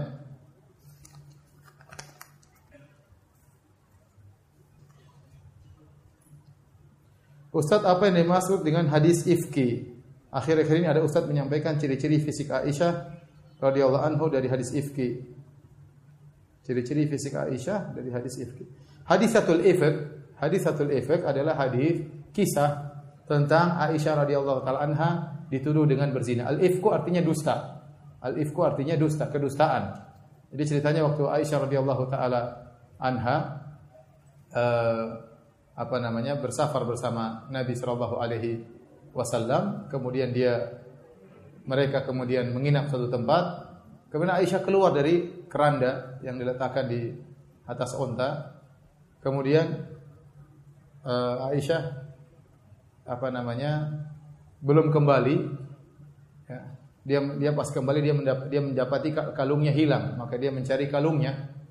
Dia sibuk mencari kalungnya, sehingga tertahan, tidak sempat balik ke keranda sehingga para sahabat menyangka Aisyah sudah berada di atas keranda. Kemudian mereka pun meletakkan keranda di atas onta, kemudian mereka melanjutkan perjalanan. Dan Nabi tidak tahu kalau ternyata Aisyah belum balik. Dan ini dalil Nabi tidak tahu ilmu gaib. Nabi tidak tahu ilmu ilmu gaib. Wong Aisyah belum balik saja Nabi tidak tidak tahu. Akhirnya Nabi SAW berjalan bersama rombongan meninggalkan lokasi tersebut. Aisyah pas balik ke lokasi tersebut sudah tidak mendapati jamaah. Semua sudah pergi. Akhirnya Aisyah menetap tinggal di tempat tersebut. Dia berharap mereka akan sadar bahwasanya Aisyah tidak ada kemudian mereka balik lagi mencari di tempat lokasi hilang terakhir. Ya, tetapi para sahabat tidak ada yang menunggu bahwasanya Aisyah tidak ada di keranda. Mereka berjalan terus sampai ke kota Madinah. Dan ada seorang sahabat yang bernama Sofwan bin Mu'attal As-Sulami, beliau ini disebutkan kalau sudah tidur agak sulit bangun, tidurnya berat. Dan dia ditugaskan oleh Nabi SAW untuk berjalan di belakang untuk mengecek kalau ada barang-barang yang jatuh. Sehingga dia selalu jalan di belakang rombongan. Rombongan sudah jauh, dia jalan belakangan. Waktu rombongan sudah jalan, ternyata dia datang dan dia melihat dari kejauhan ada Aisyah radhiyallahu taala anha dan dia pernah melihat Aisyah sebelum turun ayat hijab. Ya, maka dia pun mengatakan inna lillahi wa inna ilaihi rajiun, maka Aisyah pun mengatakan fa khammartu wajhi, saya pun menutup wajahku. Akhirnya Sofan bin Attal Sulami mempersilahkan Aisyah naik di atas onta, kemudian dia tuntun Aisyah sampai di kota Madinah dan masuk di kota Madinah di siang hari. Maka timbullah berita-berita orang munafik mengatakan Aisyah telah berzina bersama Sofan bin Mu'attal As-Sulami. Maka disebut dengan hadiatul ifk, kedustaan yang disebarkan oleh orang-orang munafik tentang Aisyah radhiyallahu taala anha. Nah, dalam hadis tersebut tidak disebutkan ciri-ciri fisik Aisyah radhiyallahu taala anha. Akan tapi Rasulullah SAW mengatakan uh, dalam hadis tersebut bahwasanya beliau wa kunna nisa ya uh, khifafan lam yahmilna uh, al-badan kalau tidak salah lafal saya lupa lafal tapi maknanya demikian para wanita dahulu mereka kurus-kurus mereka tidak gemuk-gemuk ya oleh karenanya dalam hadis yang lain Aisyah radhiyallahu taala anha pernah diajak oleh Nabi untuk uh, lomba lari lomba lari kata kata Aisyah radhiyallahu anha waktu itu saya masih kurus wa kuntu jariyah ya kami aku dulu adalah seorang masih anak remaja, maka aku lomba lari dengan Nabi dan Nabi pun kalah. Kemudian berjalan dengan waktu Aisyah gemuk. Waktu Aisyah sudah gemuk, Rasulullah ajak, ajak lomba lari lagi dengan Aisyah. Ternyata Rasulullah menang lomba lari kedua. Kenapa? Aisyah sudah sudah gemuk. Jadi Aisyah pernah kurus, Aisyah juga pernah pernah gemuk ya. Jadi uh, tidak ada masalah mau kurus gemuk. Memang masalah. Masalah buat lu kalau saya gemuk. Jadi nggak ada masalah ya, tidak ada masalah seorang kurus, seorang gemuk, bukan itu yang dinilai oleh Allah Subhanahu wa taala. Ya, yang dinilai adalah bagaimana ketakwaan dan keimanan. Aisyah radhiyallahu anha pernah kurus, Aisyah radhiyallahu anha waktu kurus dia menang lomba lari dengan Nabi SAW. Waktu dia gemuk dia kalah lomba lari dengan Nabi yang menang. Maka Nabi berkata, "Hadhihi bitilk." Ini untuk membayar kekalahanku yang dulu kata Nabi SAW. Maka Rasulullah SAW tertawa. Itu yang dimaksud dengan hadisatul ifk.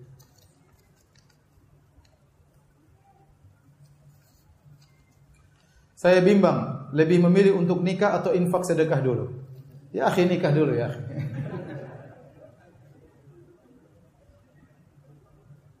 nikah itu lebih utama ya. Bahkan sebagian ulama berfatwa kalau ada orang nggak punya duit, mau menikah tidak punya modal, boleh dikasih uang zakat.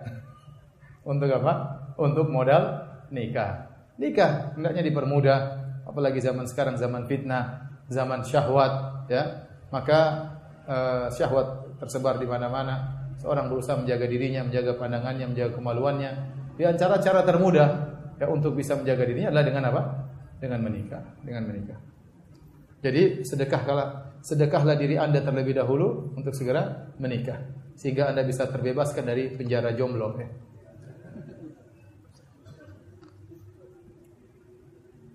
Ustaz apa yang dimaksud dengan Islam Nusantara tolong jelaskan. Saya juga tidak tahu apa yang dimaksud Islam Nusantara. Kalau maksudnya Islam Nusantara adalah Islam yang mempertahankan adat istiadat yang baik yang dibolehkan oleh Islam, maka tidak mengapa.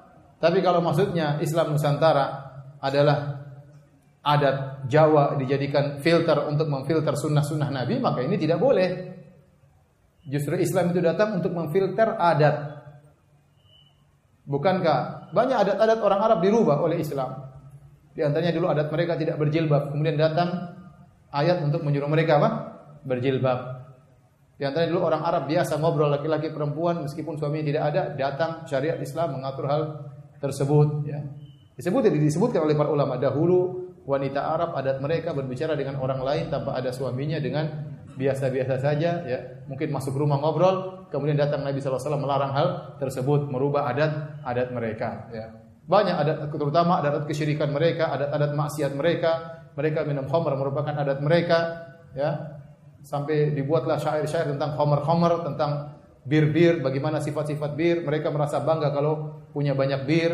Mereka merasa bir itu merupakan simbol kekayaan. Kalau orang sudah sering minum bir berarti orang orang kaya. Itu adat istiadat orang-orang Arab dahulu.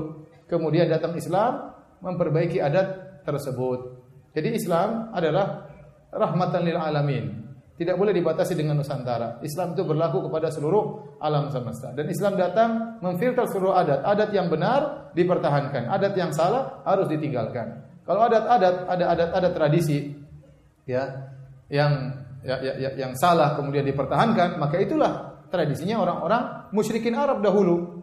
Mereka kalau melihat orang-orang masuk Islam kata mereka sobauta dan mereka mengatakan kepada Nabi sobi sobi itu adalah orang yang keluar dari tradisi nenek moyangnya orang yang keluar dari nenek moyangnya itu disebut dengan sobi dan itulah tuduhan mereka kepada Nabi SAW bahwa Nabi keluar dari tradisi nenek moyangnya. Oleh katanya mempertahankan adat istiadat tanpa difilter dengan Islam itulah tradisinya orang-orang jahiliyah itulah tradisinya Abu Jahal. Mempertahankan tradisi tanpa melihat baik dan buruknya. Yang benar adalah Islam datang untuk memfilter tradisi, yang baik dipertahankan, yang salah harus diperbaiki.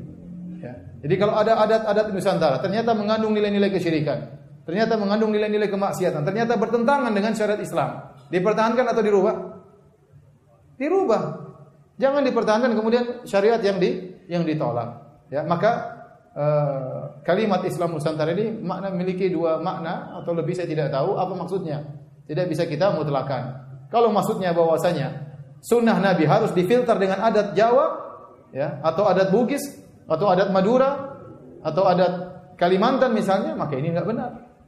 Ini enggak benar ini bahaya seperti inilah inilah adatnya, inilah Islam atau ini inilah tradisinya Abu Jahal, inilah tradisinya Abu Jahal. Tapi kalau masuk Islam Nusantara adalah mempertahankan adat yang baik, adat uh, Indonesia yang baik, kesopan santunan misalnya, keramah tamahan, yang tidak bertentangan dengan syariat bahkan didukung oleh syariat maka itu baik. Kesopanan kita pertahankan, penghormatan terhadap orang tua kita pertahankan, ya, dan itu didukung oleh oleh Islam. Namun yang menjadi uh, kekhawatiran kita banyak dai-dai liberal yang sekarang menyerukan Islam Nusantara. Ya, banyak dai-dai liberal yang menyerukan Islam Nusantara. Tatkala Islam liberal yang mereka propagandakan beberapa tahun yang silam sudah tidak laku lagi, maka mereka mau mengganti baju, ganti baju baru namanya ganti baju apa? Islam Nusantara. Harus kita hati-hati, tergantung siapa yang mengucapkannya. Kalau mengucapkannya orang liberal pasti tafsiran Nusantaranya ngawur. Itu berarti hendak apa melawan sunnah, hendak melawan syariat, ya, hendak melawan ajaran Nabi Shallallahu Alaihi Wasallam. Ya. Tapi kalau diucapkan oleh orang yang mungkin orang awam atau mungkin orang yang pandai yang paham mungkin maksudnya benar. Jadi tergantung apa maksud dari Islam Nusantara tersebut yang penting kita jangan terpedaya dengan nama tapi kita harus menilai hakikatnya apa sebenarnya. Baru kita bisa menilai sesuatu. Allah alam bisawab.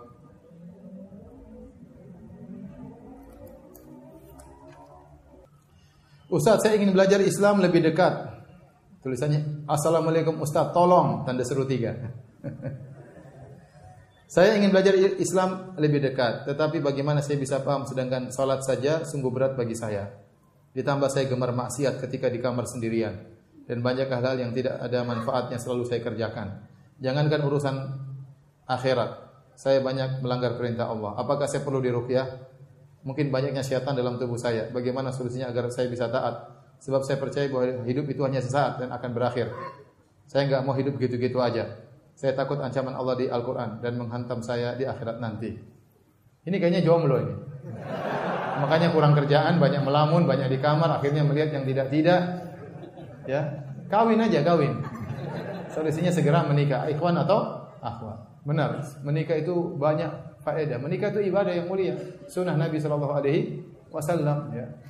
Ya, bahkan perkataan sahabat saya lupa siapa, Ibnu Umar atau Ibnu Abbas.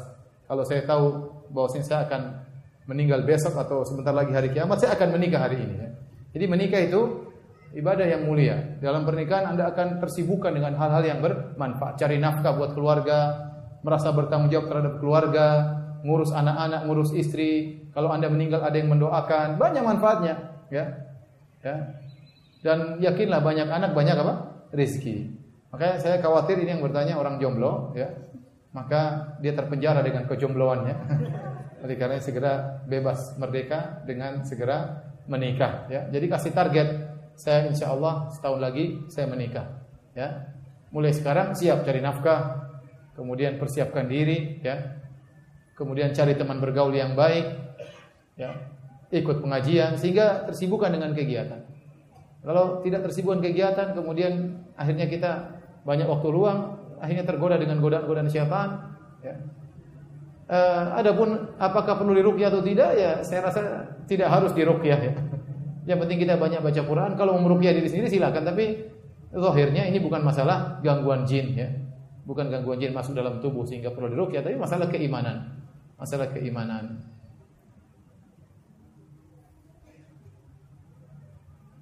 Ustaz mengenai larangan menyentuh wanita yang bukan mahram, apakah jika kita ikhwan yang disentuh atau tidak sengaja berdosa? Tidak, kalau tidak sengaja tersentuh tidak berdosa ya. Seperti ketika kita tawaf tersentuh dengan wanita dipegang oleh wanita ya.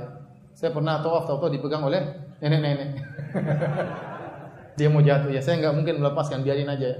darurat mau diapain? Dia sudah capek mungkin letih dia pegang. Saya lihat, wah nenek-nenek. Memang orang Arab tapi nenek-nenek.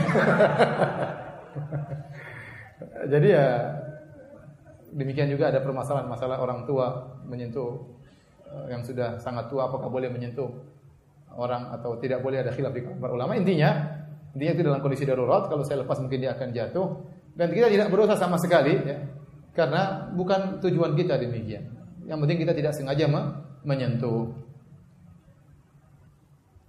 Kenapa Allah menyebut dengan kami bukan tunggal? Ya. Jadi dalam banyak ayat, tapi dia menggunakan kata apa?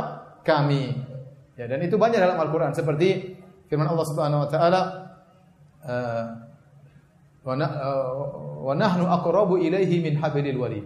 Dan kami lebih dekat kepadanya daripada urat nadinya. Ini maksudnya nahnu di situ adalah malaikat, raqib atid. Ya. Namun Allah menggunakan kalimat kami karena maksudnya malaikat. Kenapa? Karena malaikat diperintah oleh siapa? Allah Subhanahu wa taala. Paham ya? Tapi demikian saja kajian kita. Mohon maaf banyak pertanyaan yang bisa saya jawab karena kekurangan ilmu. Uh, insya Allah kita lanjutkan pekan depan dan kajian sirah Nabi sallallahu alaihi wasallam. Subhanakallah bihamdik asyhadu an la ilaha illa anta astaghfiruka wa atubu. Assalamualaikum warahmatullahi wabarakatuh. Bismillahirrahmanirrahim. Assalamualaikum warahmatullahi wabarakatuh. Alhamdulillah ala ihsani wa syukru lahu ala taufiqihi wa amtinani asyhadu an la ilaha illallah wahdahu la syarika lahu ta'ziman li sya'ni abduhu wa rasuluhu da'ila ridwani Allahumma salli alaihi wa ala alihi wa ashabi wa ikhwani Hadirin dan hadirat yang dirahmati oleh Allah Subhanahu wa taala Alhamdulillah puji dan syukur senantiasa kita panjatkan tiada henti-hentinya kepada Rabb kita Allah Subhanahu wa taala yang terus menerus melimpahkan karunia kepada kita dengan berbagai macam karunia silih berganti. Salawat dan salam semoga tercurahkan selalu kepada junjungan kita Nabi Muhammad sallallahu alaihi wasallam dan juga kepada keluarganya serta seluruh sahabat beliau tanpa terkecuali. Uh, kita melanjutkan bahasan kita dari tafsir dan kita masih pada tafsir surat Al-A'la. Tafsir surat Sabbihisma Rabbikal A'la. Dan pada pertemuan yang lalu kita sudah menyelesaikan 8 ayat. Maka pada kesempatan kali ini kita akan melanjutkan ayat yang Kesembilan, Allah Subhanahu wa taala berfirman, "Fadzakir in nafa'atid dzikra." Yang artinya oleh sebab itu berikanlah peringatan karena peringatan itu bermanfaat. Ayat ini uh, ada dua pendapat di kalangan ahli tafsir. Ada yang mengartikan atau menerjemahkan fadzakir in nafa'atid dzikra yang artinya berilah peringatan jika peringatan bermanfaat. Jika peringatan bermanfaat. Kalau peringatan tidak bermanfaat, maka tidak usah memberi peringatan. Dan ini pendapat Al-Hafidh Ibnu Katsir rahimahullahu taala. Sehingga beliau berpendapat tidak semua orang kita kasih peringatan. Kalau menurut kita peringatan tersebut tidak bermanfaat, maka tidak usah kita sampaikan. Apa yang kita sampaikan mereka tidak bisa tangkap, tidak ada manfaatnya, maka tidak perlu kita sampaikan. Ibnu Katsir berdalil dengan asar dari perkataan Ali bin Abi Thalib yang diriwayatkan Imam Al-Bukhari. Kata Ali bin Abi Thalib, "Hadithun nasa bima ya'rifun. Aturiduna ayyukadzdzaballahu wa rasuluh." Sampaikanlah kepada manusia sesuai dengan uh, apa yang mereka ketahui, ya. Apakah kau ingin Allah dan Rasulnya didosakan? Artinya terkadang kita ingin menyampaikan sesuatu, meskipun ini benar, tapi kalau kita sampaikan mereka tidak paham, mending enggak usah. Sebagaimana perkataan Ali, ya. Hadithu nasa bima yarifun, sampaikanlah sesuai dengan apa yang mereka pahami. Kalau tidak, aturiduna Allah wa rasuluh, khawatir Allah dan Rasulnya didustakan gara-gara pemahaman mereka tidak sampai. Maka ini dalil bahwasanya kalau kita menyampaikan sesuatu dengan bertahap. Tidak mungkin kita menyampaikan langsung dengan yang kencang, yang tinggi-tinggi. Banyak orang mungkin baru belajar, nggak ngerti.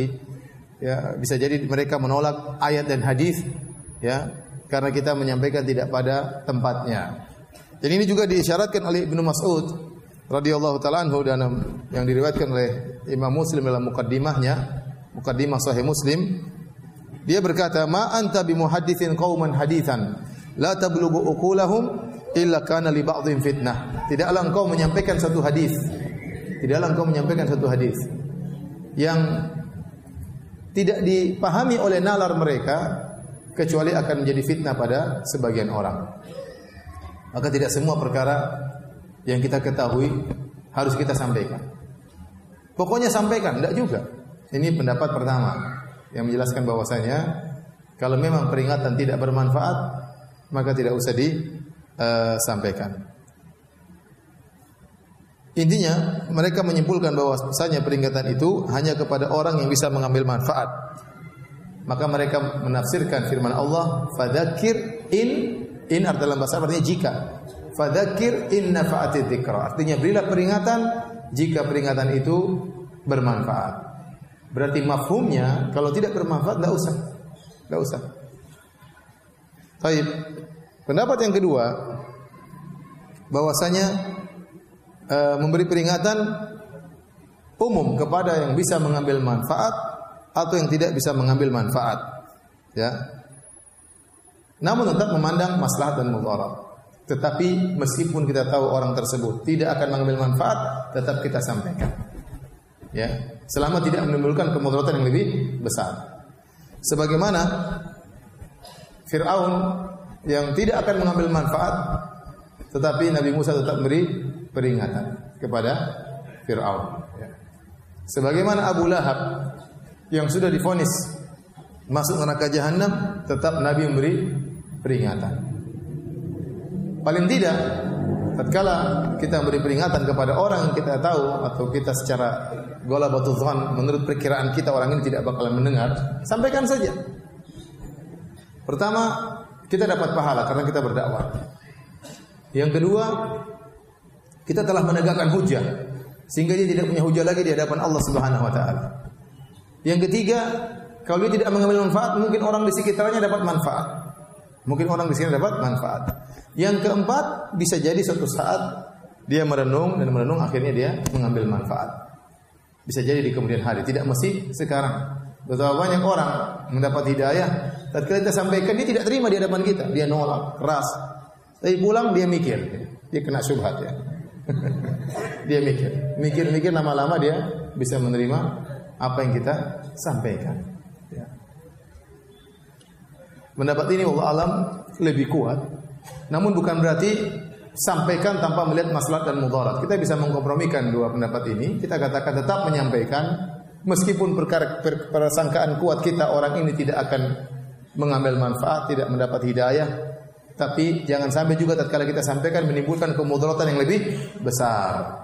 Karena bernahi mungkar itu dipersyaratkan tidak boleh menimbulkan kemungkaran yang lebih besar. Bernahi mungkar itu hanya disyariatkan jika pertama menghilangkan kemungkaran secara total dan ini yang sangat diharapkan. Yang kedua meminimalkan kemungkaran. Tidak apa-apa. Meskipun tidak hilang tapi minimalkan maka sampaikan.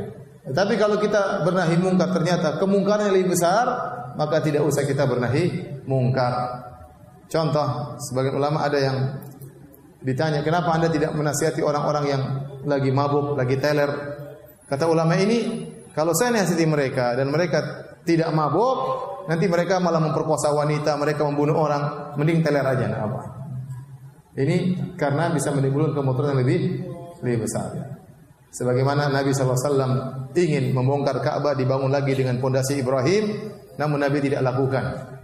Kenapa kalau Nabi bongkar Ka'bah, Nabi perbaiki sesuai dengan apa yang pernah dibangun oleh Nabi Ibrahim, akan terjadi fitnah. Kata Nabi SAW, laula qaumuki hudatha'a hudatha'u ahdin bi kufrin lanaqabtul Ka'bah kalau bukan orang-orang Quraisy baru saja masuk Islam, wahai Aisyah, sungguh aku telah membongkar Ka'bah Labanaituha ala qawaid Ibrahim dan aku akan bangun kembali sesuai dengan pondasi Nabi Ibrahim. Tetapi Nabi tidak melakukannya.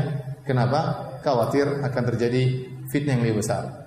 Demikian juga Nabi SAW pertama datang di Mekah. Ada berhala seputar Ka'bah 360 berhala yang disembah bersama Allah Subhanahu wa taala. Namun Nabi tidak menghancurkan satu berhala pun. Kenapa? Ini kemungkaran, syirik paling top ini. Ada berhala Tuhan dipasang di samping-samping Ka'bah sampai 360 Tuhan. Tapi kenapa Nabi tidak menghancurkan? Karena tidak mungkin. Kalau Nabi menghancurkan akan menimbulkan kemudaratan yang lebih lebih besar. Ya. Nabi baru bisa menghancurkan 360 berhala tersebut Setelah berapa tahun? Setelah 13 tambah 8, setelah 20 tahun 21 tahun Nabi berdakwah. Yaitu pada tahun 8 Hijriyah baru Nabi tatkala Fatu Makkah baru Nabi menghancurkan patung-patung tersebut. Maka maksud saya, ikhwan sekalian, kita baru ngaji biasanya semangat ya. Terkadang lebih semangat daripada ustadznya ya. Terkadang lebih kencang daripada ustadznya. Maka kita lihat situasi dan kondisi. Bukan berarti apa yang kita lihat kemudian kita uh, bungkus ya, kita lipat buang di sungai tidak. Lihat situasi dan kondisi karena bernahi mungkar itu butuh butuh fikih, butuh fikih. Ya. Taib. Intinya saya lebih cenderung kepada pendapat kedua, sampaikan ya. Meskipun orang tersebut mungkin tidak menerima, tidak mengapa. Sampaikan, kita dapat pahala kita berdakwah, kita telah mendagangkan hujah bagi dia dia tidak bisa berutur lagi di hadapan Allah Subhanahu wa taala. Yang ketiga bisa jadi orang di sekitar yang dapat pahala, dapat hidayah atau dia suatu saat dapat hidayah tanpa kita sadari ya. Namun itu semua tetap melihat maslahat dan mudarat ya. Maslahat dan mudarat. Baik. Uh, setelah itu Allah berfirman ayat ke-10, "Sayadzakkaru may yakhsha." Ya. Orang yang takut kepada Allah akan mendapatkan pelajaran. Orang yang takut saya dakkar, orang akan yang mayyakhsha, orang yang takut kepada Allah akan mendapat pelajaran dari peringatan tersebut. Jadi ini dalil menunjukkan kuatnya pendapat kedua. Seakan-akan Allah berfirman, berilah peringatan kepada siapa pun yang takut kepada Allah akan dapat pelajaran. Yang enggak ya sudah tidak apa-apa. Ini dalil bahwasanya menguatkan pendapat kedua bahwasanya nasihat tetap kita sampaikan baik kepada orang yang menurut kita dapat manfaat atau yang menurut kita tidak dapat manfaat urusan hidayah urusan Allah Subhanahu wa taala. Kemudian Allah berfirman menjelaskan model kedua yang tidak mau menerima. Kata Allah, "Wa yatajannabuhal ashqa" dan orang yang celaka akan menjauhi peringatan tersebut. Tidak mau mendengar peringatan tersebut. Ya. Terkunci hatinya dari peringatan tersebut. Ya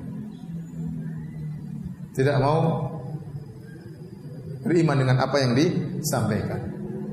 Subhanallah Al-Qur'an itu ya hudan lil muttaqin. Petunjuk bagi orang-orang yang bertakwa. Ada orang yang Al-Qur'an dapat hidayah tatkala dia ingin mencari kebenaran, maka dia akan mendapatkan petunjuk. Ada orang yang memang tidak suka dengan Al-Qur'an meskipun ribuan ayat dia baca tidak akan beriman tidak akan beriman. Sungguh hidayah di tangan Allah Subhanahu wa taala. Ada orang gara-gara mendengar satu ayat dapat hidayah, langsung bergetar hatinya. Seperti Jubair bin Mut'im radhiyallahu taala anhu. Waktu dia masih musyrik, dia pergi dan dia mendengar Nabi baca Al-Qur'an dalam salat Maghrib dari dari ayat dari surat At-Tur am khuliqu min ghairi syai'in am humul khaliqun am khalaqus samawati wal arda bal la yuqinun apakah mereka menciptakan diri mereka sendiri? Apakah mereka diciptakan tanpa ada yang menciptakan? Apakah mereka menciptakan diri mereka sendiri? Kenapa mereka tidak beriman? Kata dia, tatkala saya mendengar ayat ini, kada qalbi yatir, hampir-hampir jantungku terbang. Ini sebab dia beriman kepada Allah Subhanahu wa taala. Ya. Ada seorang pendeta, ini ngerti bahasa Arab. Sudah banyak ayat yang mungkin lewat dia dengar, tapi ada satu ayat yang buat dia akhirnya buat dia masuk Islam. Itu firman Allah Subhanahu wa taala, "Fawailul lil ladzina yaktubuna al-kitaba bi aydihim, thumma yaquluna hadha min indillahi liyashtaru bihi thamanan qalila. Fawailul lahum mimma katabat aydihim wa lahum mimma yaksibun."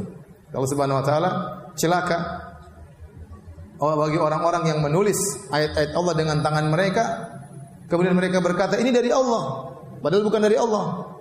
Mereka menulis ayat tersebut untuk mendapatkan perkara dunia. Celaka atas apa yang ditulis oleh tangan-tangan mereka, celaka atas apa yang mereka perbuat. Begitu dia ayat tersebut, dia bergetar. Allah menyebut celaka tiga kali. Fawailu lil ladzina yaktubuna al-kitaba bi aydihim thumma yaquluna hadha min indillah liyashtaru bihi thamanan qalila. Fawailu lahum mimma katabat aydihim wa wailu lahum mimma yaksibun. Celaka celaka celaka subhanallah. Dan dia tahu bahwasanya dalam kitab suci mereka ada perubahan-perubahan, ada yang dirubah, ada yang dirubah terjemahannya, ada yang di sehingga dari dekade yang satu dengan dekade yang lain ada terjadi perubahan dan dia ngerti akan hal tersebut. Satu ayat ini membuat dia akhirnya beriman kepada Allah Subhanahu wa taala. Tapi orang yang enggan mengambil hidayah dari Al-Quran, maka dia akan menjauhi Al-Quranul Karim. Hidayah, ya. Kalau seorang tidak suka, maka dia akan menjauh. Ya. Bagaimana kita sampaikan tentang kisah Nabi Nuh alaihissalam. Dia sampaikan ayat-ayat Allah Subhanahu wa taala, tetapi kaumnya semakin menjauh. Rabbi inni da'awtu qaumi laila wa nahara falam yazidhum du'ai illa firara. Wa inni kullama da'awtum litaghfira lahum ja'alu asabi'ahum fi adhanihim wastaghshaw thiyabahum asarru wastakbaru istikbar. Ya Rabbku, sungguhnya aku telah mendakwahi mereka siang dan malam dan tidaklah aku semakin mendakwahi mereka kecuali mereka semakin jauh, semakin berlari dariku, semakin jauh. Ya. Kalau orang sudah niatnya buruk, tidak mau dapat hidayah, maka dia semakin dijauhkan oleh Allah Subhanahu wa taala. Kemudian Allah berkata, "Alladzi yaslan naral kubra." Orang ini yang menjauh dari Al-Qur'an, yang menjauh dari peringatan, yang kabur dari peringatan, kabur dari ayat Allah, tidak mau mendengar ayat-ayat Allah Subhanahu wa taala, tidak betah mendengar ayat Allah Subhanahu wa taala, akan masuk dalam neraka yang besar. Akan masuk masuk dalam neraka yang besar. Di sini para ulama menafsirkan kenapa Allah mensifati dengan neraka yang besar. Ini menunjukkan bahwasanya mafhumnya ada neraka yang kecil. Maksudnya bagaimana? Ini isyarat bahwasanya neraka itu bertingkat-tingkat. Neraka itu bertingkat-tingkat. Ya. Neraka orang kafir pun bertingkat-tingkat. Jangan seorang berkata, "Ya sudah, ente kafir sekalian aja kurang ajar di dunia." Enggak, semakin seorang kurang ajar di dunia, semakin dia banyak melakukan kemungkaran, maka nerakanya semakin semakin parah. Allah Maha Adil, bahkan Maha Adil dalam masalah penyiksaan, masalah azab. Tidak sama orang kafir yang ramah, yang sopan, tidak mengganggu orang lain dengan orang kafir yang ternyata jahat, ya, maling, koruptor, ya, ya, membunuh dan yang lainnya. Ini azabnya lebih lebih pedih daripada orang kafir yang biasa. Oleh karenanya orang kafir yang azabnya paling ringan adalah Abu Talib. Abu Talib. Bahwa fi dhahdahin minan nar. Dia diazab di neraka yang paling yang paling tinggi, semakin bawah semakin parah, ya. Kakinya mengenai percikan api, kemudian otaknya mendidih, ya. Ini azab neraka paling ringan bagi orang orang kafir. Makanya disebut oleh Allah An-Narul Kubra, neraka yang besar. Ini pendapat. Ada yang mengatakan anarul kubra maksudnya membedakan antara neraka di hari kiamat dengan neraka di alam barzakh.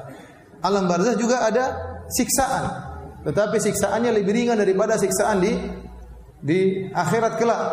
Makanya tatkala Allah menyebut tentang Firaun, Allah sebutkan tentang neraka. Kata Allah, "An-naru yu'raduna 'alaiha ghuduwan wa 'ashiyya, wa yauma taqumu sa'atu adkhilu ala fir'auna adkhilu ala fir'auna asyaddal adab. Kata Allah Subhanahu wa taala, Firaun dan bala tentaranya di alam barzah ditampakkan, dipaparkan kepada api bagi mereka.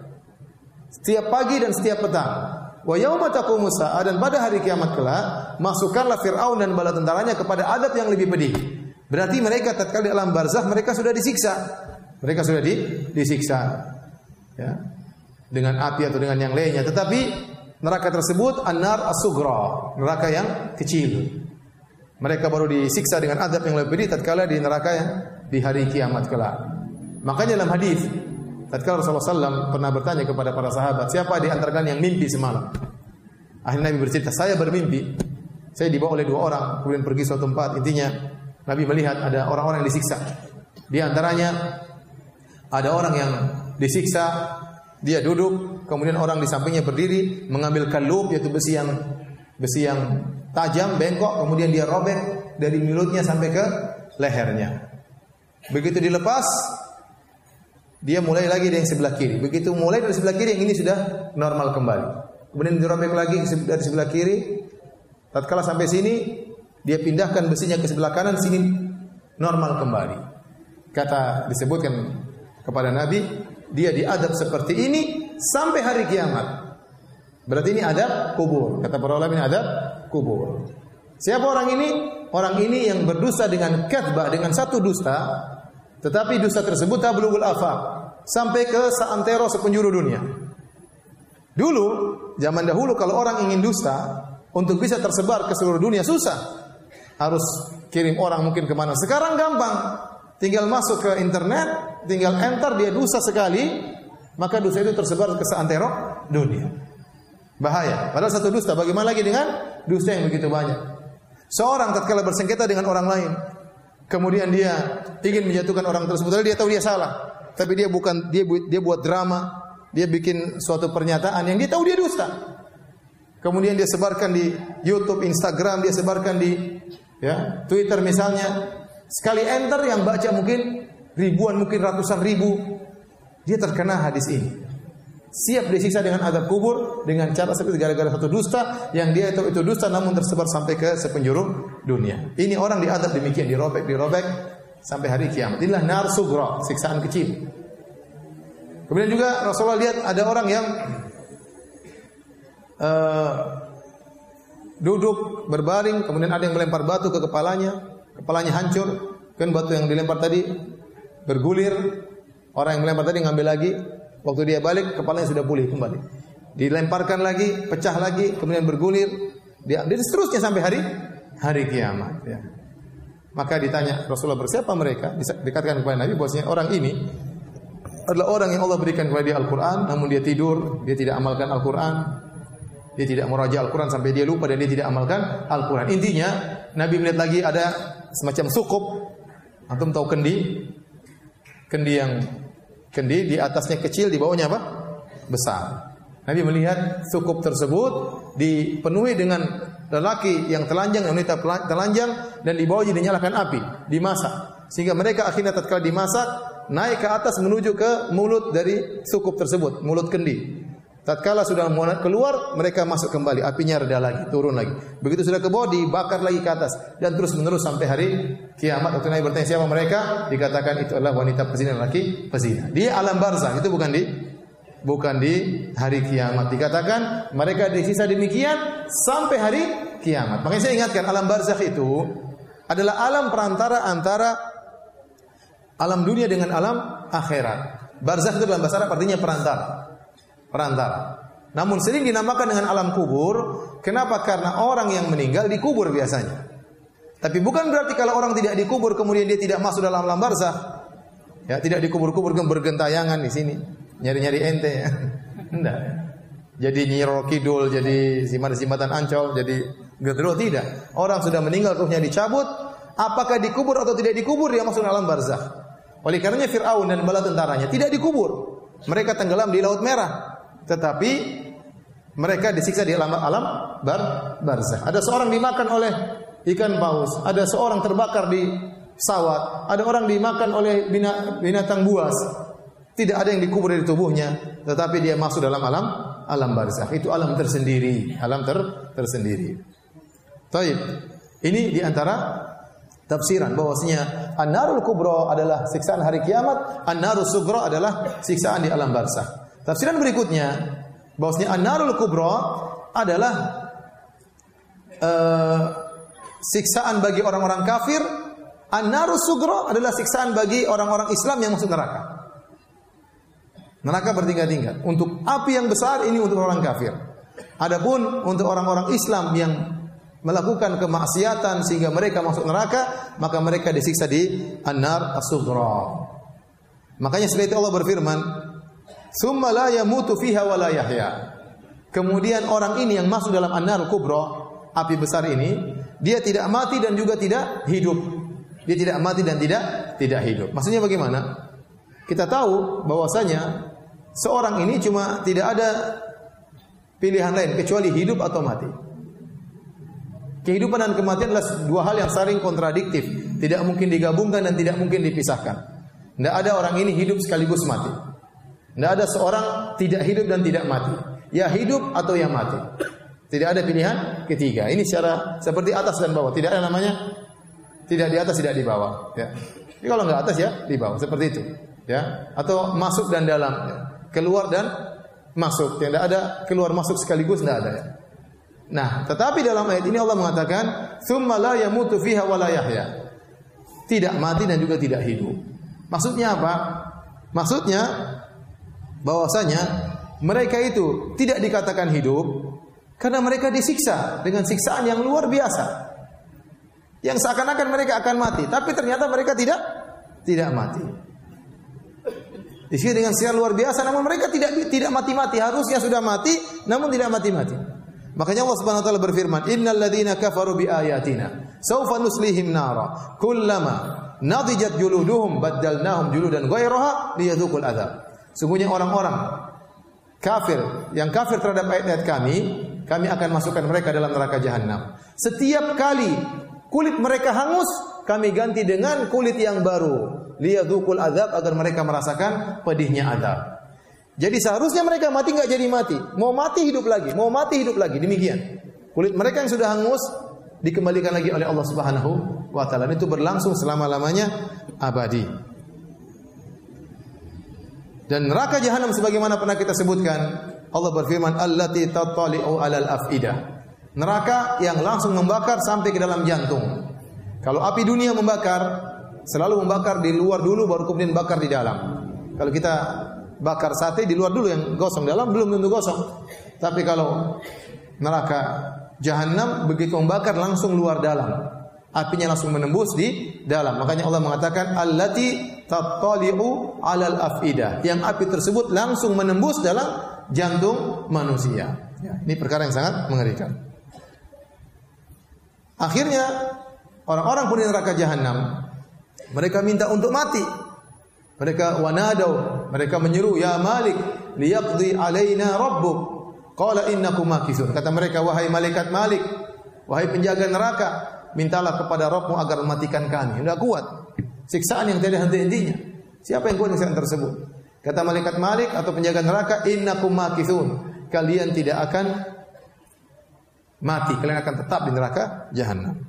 Tatkala mereka minta agar dimatikan tidak dikabulkan, mereka minta agar dikurangi azab mereka. Wa qala alladziina kafaru walladziina kafaru Faqala alladziina fin nari li khazanati jahannam ud'u rabbakum yukhaffif 'anna yawman minal adab. Dan berkatalah penghuni neraka jahanam kepada para malaikat penjaga neraka jahanam, berdoalah kepada Rabbmu agar mengurangi adab kami meskipun cuma satu hari.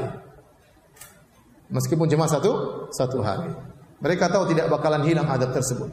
Mereka minta mati nggak dikasih. Ya kalau nggak bisa mati, kurangilah adabnya. Ternyata tidak dikurangi. Kata Allah Subhanahu wa taala, "Walladzina kafaru lahum naru jahannam la yuqda 'alaihim fayamutu wa la yukhaffafu 'anhum min 'adzabiha. Kadzalika najzi kull kafur." Kata Allah Subhanahu wa taala orang-orang kafir tidak akan dibuat mati mereka dan tidak akan dikurangi adab mereka. Dan demikianlah kami balas orang-orang yang kufur kepada kami. Bahkan dikatakan kepada mereka, "Fadhuku falan nazidakum illa adaba." Rasakanlah azab kami dan kami tidak akan menambah bagi kalian kecuali azab. Dan ini ayat yang paling menakutkan kata sebagian ahli tafsir. Kenapa ternyata mereka minta mati nggak dikasih mati? Mereka minta untuk dikurangi adab tidak dikasih adab. Justru Allah kabulkan permintaan mereka dengan adab yang bertambah-tambah. Adab yang bertambah-tambah. Adapun an-naru sugra ahli tauhid yang bermaksiat, orang Islam yang bermaksiat yang masuk neraka, mereka diadab bukan dengan nerakanya orang-orang kafir, nerakanya lain sendiri. Kemudian mereka tidak akan kekal dalam neraka jahanam. Suatu saat mereka akan dibersihkan dalam neraka, dibersihkan dosa-dosa mereka, setelah itu mereka dikembalikan ke surga. Kenapa mereka tidak bisa masuk surga? Karena surga tidak boleh dimasuki kecuali orang-orang yang bersih. Ya. Adapun orang-orang yang masih punya kotoran, dosa, maka tidak berhak masuk surga. Harus dibersihkan terlebih dahulu. Dibersihkan di neraka jahanam. Ibarat besi masih ada karatnya, harus dibakar dulu untuk dihilangkan karat-karatnya. Itulah nasib para pelaku maksiat dari kaum kaum muslimin. Saya bacakan hadisnya dalam Sahih Muslim. Kata Nabi sallallahu alaihi wasallam, Amma ahlun nar alladzina hum ahluha fa innahum la yamutu fiha wala wala yahyaun. Adapun penghuni neraka yang benar-benar penghuni neraka itu orang-orang kafir. Maka mereka tidak akan mati dalam neraka dan mereka tidak hidup dalam neraka. Antara hidup dan dan mati. Walakin nasun asabahumun nar bidunubihim. Tetapi kata Nabi ada kelompok manusia lain, yaitu orang Islam yang bermaksiat. Yang mereka terkena neraka jahanam karena dosa-dosa mereka. atau karena kesalahan-kesalahan mereka. Mereka di situ dalam neraka jahanam dalam waktu tertentu. Fa'amatahum imata, maka Allah mematikan mereka pada suatu saat hatta idza kanu fahman. Sampai tatkala mereka sudah hangus sampai menjadi arang, dibakar sampai jadi arang. Udzina bi syafa'ah, maka Allah mengizinkan untuk ada penerimaan syafaat. Fajiba faji'a bihim dhabair dhabair. Maka didatangkanlah mereka secara berkelompok-kelompok. Kemudian Fabuthu ala anharil jannah. Kemudian mereka dilemparkan di sungai surga. Thumma qila ya ahlal jannah afidhu alaihim. Maka dikatakan wahai penghuni surga, kucurkanlah air kehidupan kepada mereka. Fayambutuna nabatil hibbati takunu fi hamili sail. Maka mereka akhirnya tumbuh kembali seperti benih tumbuhan di larutan rumpur yang dihempaskan oleh arus air. Jadi ada semacam biji-bijian yang dibawa oleh arus air kemudian mengendap kemudian apa? Tumbuh. Mereka juga demikian. Orang-orang Islam yang diadab oleh Allah Subhanahu wa taala neraka jahanam bukan orang kafir. Mereka dibakar sampai hangus menjadi semacam arang hitam kemudian dilemparkan di anharul jannah sungai surga kemudian mereka pun tumbuh kembali, tumbuh kembali. Seperti tunas yang tumbuh menjadi manusia kembali dan mereka dimasukkan ke dalam surga. Hadis ini membedakan antara neraka orang kafir dengan neraka kaum muslimin. Ya. Beda di antara keduanya. Adapun orang-orang khawarij, mereka berpendapat kalau seorang masuk, masuk neraka tidak bakalan keluar. Ini juga pendapat Mu'tazilah. Sekali orang masuk neraka tidak bakalan keluar-keluar lagi. Ya. Mau di nerakanya orang kafir atau nerakanya orang Islam tidak bakalan keluar. Ini pendapat batil disanggah oleh para ulama dan dibantah oleh banyak hadis-hadis yang sahih dalam sahih Bukhari maupun sahih Muslim. Dan banyak hadis-hadis tentang syafaat. Kata Nabi akhriju minan nari kata Allah akhriju minan nari maka fi qalbi mithqal dzarratin min iman. Keluarkan dari neraka orang-orang yang dalam hati mereka masih ada keimanan meskipun hanya sebesar zarrah dalil seperti ini banyak bahwasanya ada orang-orang Islam yang dibakar orang bertauhid namun maksiatnya banyak oleh karenanya Ibnu Hajar mengatakan ada orang bertauhid diadab Kemudian Ibn, Ibn Taimiyah juga mengatakan ada orang tauhid yang di ada. Benar. Mereka bertauhid, Islam mereka ada, tauhid mereka ada, tapi mereka banyak maksiat sehingga mereka diadab namun suatu saat mereka akan dikeluarkan dari neraka jahanam. Adapun pendapat Mu'tazilah dan pendapat Khawarij adalah pendapat yang batil. Kemudian kata Allah Subhanahu wa taala, "Qad aflaha man tazakka." Maka sungguh beruntung orang yang mensucikan dirinya yaitu mensucikan dirinya dari akhlak-akhlak yang buruk.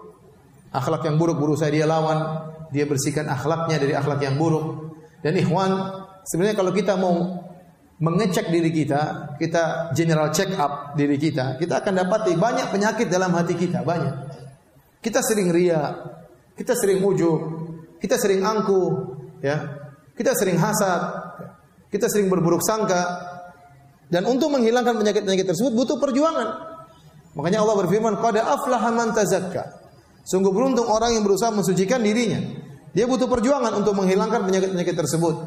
Kemudian dia ganti ya hal-hal yang buruk tersebut dengan akhlak yang yang mulia. Dia menghiasi dirinya dengan akhlak yang mulia. Kata Allah, "Wa dzakara asma rabbih fasalla."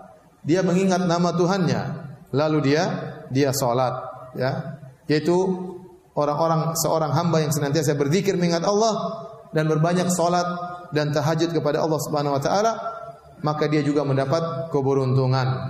Allah menyebutkan salat secara khusus dengan zikir wa dzakara asma rabbih fa Zikir dan salat. Ini benar-benar adalah modal seorang muslim. Seorang muslim berusaha lisannya suka berzikir. Ini sering saya sampaikan. Zikir itu ibadah yang ringan tapi pahalanya besar. Mudah dilakukan, pahalanya besar, namun banyak orang tidak melakukannya. Mudah dilakukan, pahalanya besar, namun banyak orang tidak melakukannya. Kita jalan, kita sedang naik mobil kita bisa berzikir subhanallah, alhamdulillah, Allah akbar, astagfirullah, astagfirullah, la haula wala quwata illa billah. Banyak bisa kita zikir, sedang naik mobil, sedang naik motor, ya, sedang jalan, ya, sedang ngantri, ya. Tapi sekarang semua sudah kacau gara-gara WhatsApp. gara-gara HP. Sedang ngantri WhatsAppan. Sedang di mobil WhatsAppan. Eh, sedang jalan WhatsAppan.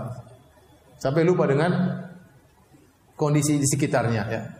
Sampai saya ke ke suatu negeri Eropa, itu jalan di tempat penyeberangan dipasang besi begini. Jadi orang kalau nyebrang dia harus ketabrak besi. Kenapa? Saya bilang kenapa dipasang kayak gini? Karena banyak orang lagi main HP ketabrak mobil. Dia tidak sadar dia sudah masuk di tengah jalan. Saking sibuknya dengan HP. Sehingga lupa untuk berzikir kepada Allah Subhanahu wa taala waktu terbuang-buang, terbuang-buang berjam-jam melihat berita-berita yang tidak bermanfaat, komentar-komentar dibaca, akun-akun orang lain diperiksa, akun cewek, akun akhwat, akun ikhwan dilihat-lihat ya. Habis waktu, menghabiskan waktu sehingga lupa berzikir kepada Allah. Kemudian fasalla. Demikian Allah sebutkan salat secara khusus. Dan salat adalah ibadah yang sangat mulia. Semakin seorang banyak salat, semakin dia dekat dengan Allah. Kata Allah Subhanahu wa taala, ya uh, apa namanya? Wasjudu waqtarib, sujudlah dan dekatlah. Semakin seorang sujud dia semakin dekat dengan Allah. Innaka lan tasjud sajdatan lillah illa rafa'aka Allah biha darajah wa hatta anka biha khati'ah. Tidaklah kau sujud satu sujud saja karena Allah kecuali Allah akan mengangkat derajatmu dan aku akan Allah akan menghilangkan dosamu. Kalau Anda banyak sujud, Anda akan tinggi di sisi Allah meskipun orang merendahkan Anda. Meskipun orang tidak memandang Anda, tapi Anda banyak sujud kepada Allah, Anda akan semakin tinggi di sisi Allah Subhanahu wa taala. Kemudian Allah berfirman, "Bal tu'thiruna al-hayata dunya." Akan tapi kalian lebih mendahulukan kehidupan dunia. Wal akhiratu khairu wa abqa. Padahal kehidupan akhirat lebih baik dan lebih kekal. Ya, lebih baik dan lebih kekal. Dua sisi. Lebih baik, jauh lebih baik daripada kehidupan dunia dan kekal. Dunia buruk dan cepat hilang. Makanya Nabi SAW bersabda, "Lau kanatid dunya ta'dilu 'inda Allah janaha ba'udah, ma saqa kafiran minha syarbata ma." Kata Nabi SAW, "Lau kanatid dunya ta'dilu 'inda Allah janaha ba'udah." Kalau seandainya dunia ini di sisi Allah nilainya sama dengan sayap nyamuk, Allah tidak akan berikan satu minuman pun, satu tegukan air kepada orang kafir. Saya harap antum pahami di sini. Saya ulangi kata Nabi. Kalau seandainya dunia ini nilainya sama dengan sayap seekor nyamuk di sisi Allah, maka Allah tidak akan memberikan dunia ini sedikit pun kepada orang kafir meskipun hanya seteguk air. Namun kenapa Allah berikan dunia ini kepada orang kafir? Karena tidak ada nilainya di sisi Allah. Lebih rendah daripada sayap nyamuk. Paham maksud tadi sini? Ya. Maka Allah berikan kepada orang kafir. Maka seorang jangan sampai terlalaikan dengan dunia. Jangan sampai seorang mencari dunia lupa dengan akhirat. Mendahulukan kehidupan dunia daripada kehidupan akhirat. Makanya Nabi SAW berdoa dalam doanya, "Wala taj'al musibatana fi dinina, wala taj'alid dunya akbar hammina, wala mabalagha ilmina, wala ila nari masira." Kata Nabi SAW, jangan kau jadikan ya musibah menimpa kami pada agama kami. Musibah menimpa dunia masih mending. Tapi kalau musibah menimpa agama, kita jadi malas sholat berjamaah, malas mengaji, malas ikut pengajian, jadi angku, jadi sombong, jadi ria. Ini namanya musibah mengenai agama kita. Tapi jadikanlah musibah kami menimpa dunia kami. Masih mending dunia hilang masih bisa dicari. Agama kalau hilang repot. Iman kalau jatuh repot. Wala taj'alid dunia akbar hammina. Dan jangan kau jadikan ya Allah dunia kami sebagai puncak cita-cita kami lebih daripada akhirat kami. Taib hadirin. Hadirat yang subhanahu wa ta'ala. Secara ringkas. Saya akan menyampaikan perbandingan antara dunia dan akhirat. Secara singkat. Yang pertama. Akhirat abadi. Dunia tidak abadi. Dunia sebentar. Kata Allah subhanahu wa ta'ala. Inna mahad dunia la'ibu walahu. Kehidupan dunia hanyalah permainan senda gurau. Sebentar. Kita bermain-main, tertawa-tertawa, tahu-tahu dipanggil oleh Allah Subhanahu wa taala. Ya. Banyak orang meninggal tanpa hidup. Kematian datang tidak pernah memberitahu terlebih dahulu. Ya, banyak orang meninggal dunia masih muda sehat walafiat atau meninggal dunia. Kawan saya saya ketemu bilang Ustaz kita rapat dengan seorang direktur kepala direksi tubuhnya sehat olahragawan luar biasa ya tidak gemuk kurus lagi rapat tahu-tahu KO jatuh tahu-tahu jatuh tanpa diduga tidak ada yang menduga ternyata dia tiba-tiba dapat kena serangan orang menyangka dia sangat sangat sehat. Kita sering dengar atlet meninggal. Atlet kok meninggal? Tubuhnya sehat. Terlalu sehat sehingga meninggal dunia. Ada yang bilang demikian. Itu terlalu sehat sehingga kadarnya berlebihan meninggal dunia. Ya, susah. Ya kita berusaha, tetapi kematian ya, tidak bisa kita duga. Dunia cuma sebentar, akhirat selamanya. Yang kedua, kenikmatan surga itu sempurna. Sedangkan kenikmatan dunia penuh dengan terkontaminasi dengan berbagai macam kekurangan. Saya sering sampaikan, betapapun nikmat dunia pasti ada kekurangannya. Tidak ada yang yang sempurna. Ya. Tidak ada yang yang sempurna. Ente makan udang, udang enak, ada kolesterolnya tinggi. Makan cumi enak, ada kolesterolnya tinggi. Ya. Naik mobil enak, atau ada bau bensinnya. Ya. Ya. Punya istri juga enak, tapi terkadang diomelin. terkadang apa sering? Kadang-kadang Ustaz. Kalau sering bahaya ya. Tidak ada yang sempurna ya. Mau perempuan cantik kayak apa, waktunya buang angin juga pasti bau ya. Kalau di akhirat surga sempurna. Tidak ada kekurangan sama sekali. Makan apa saja nggak ada masalah. Tidak pernah berhenti makan seharian pun nggak ada masalah. Kita makanan enak, udah baru sedikit sudah nggak kuat lagi. Terkadang lebih enak orang miskin orang kaya. Orang kaya baru makan sedikit kenyang. Banyak di depan dia tidak bisa dinikmati. Orang miskin makan banyak-banyak nggak kenyang-kenyang. Kenapa dia banyak kerja, banyak olahraga, banyak kegiatan sehingga banyak bisa masuk. Yang kaya luar biasa beli makanan bisa banyak, dia nggak bisa makan kecuali cuma secuil. Bahkan kita lihat banyak orang semakin kaya semakin sedikit makannya. Takut inilah, takut anulah. Yang miskin makan cuek-cuek kita tahu mati nggak ada masalah. Jadi kenikmatan dunia penuh dengan kekurangan. Ya. Akhirat luar biasa ente makan seterah terserah tidak ada masalah. Bidadari tidak ada kekurangannya sekali. Sempurna dari sisi keindahan tubuhnya, dari sisi akhlaknya. Tidak ada kekurangannya sama sama sekali. Sudah. Taib, uh, kita sholat dulu, nanti kita lanjutkan di sini. Ya Allah Taala bisa. Bismillahirrahmanirrahim. Assalamualaikum warahmatullahi wabarakatuh. Alhamdulillah salatu wassalamu ala Rasulillah wa ala alihi wa sahbihi wa Kita lanjutkan tinggal beberapa ayat lagi. Jadi kita sampaikan pada firman sampai pada firman Allah Subhanahu wa taala wal akhiratu khairu wa abqa. Ya, bahwasanya akhirat lebih baik dan lebih kekal. Kita tadi sebutkan beberapa perbandingan antara nikmat akhirat dengan dunia. Yang pertama, akhirat kekal abadi, adapun dunia hanya sementara. Yang kedua, kenikmatan akhirat itu sempurna, adapun kenikmatan dunia terkontaminasi dengan banyak kekurangan. Yang ketiga, kenikmatan surga mudah diraih tanpa ada keletihan sama sama sekali.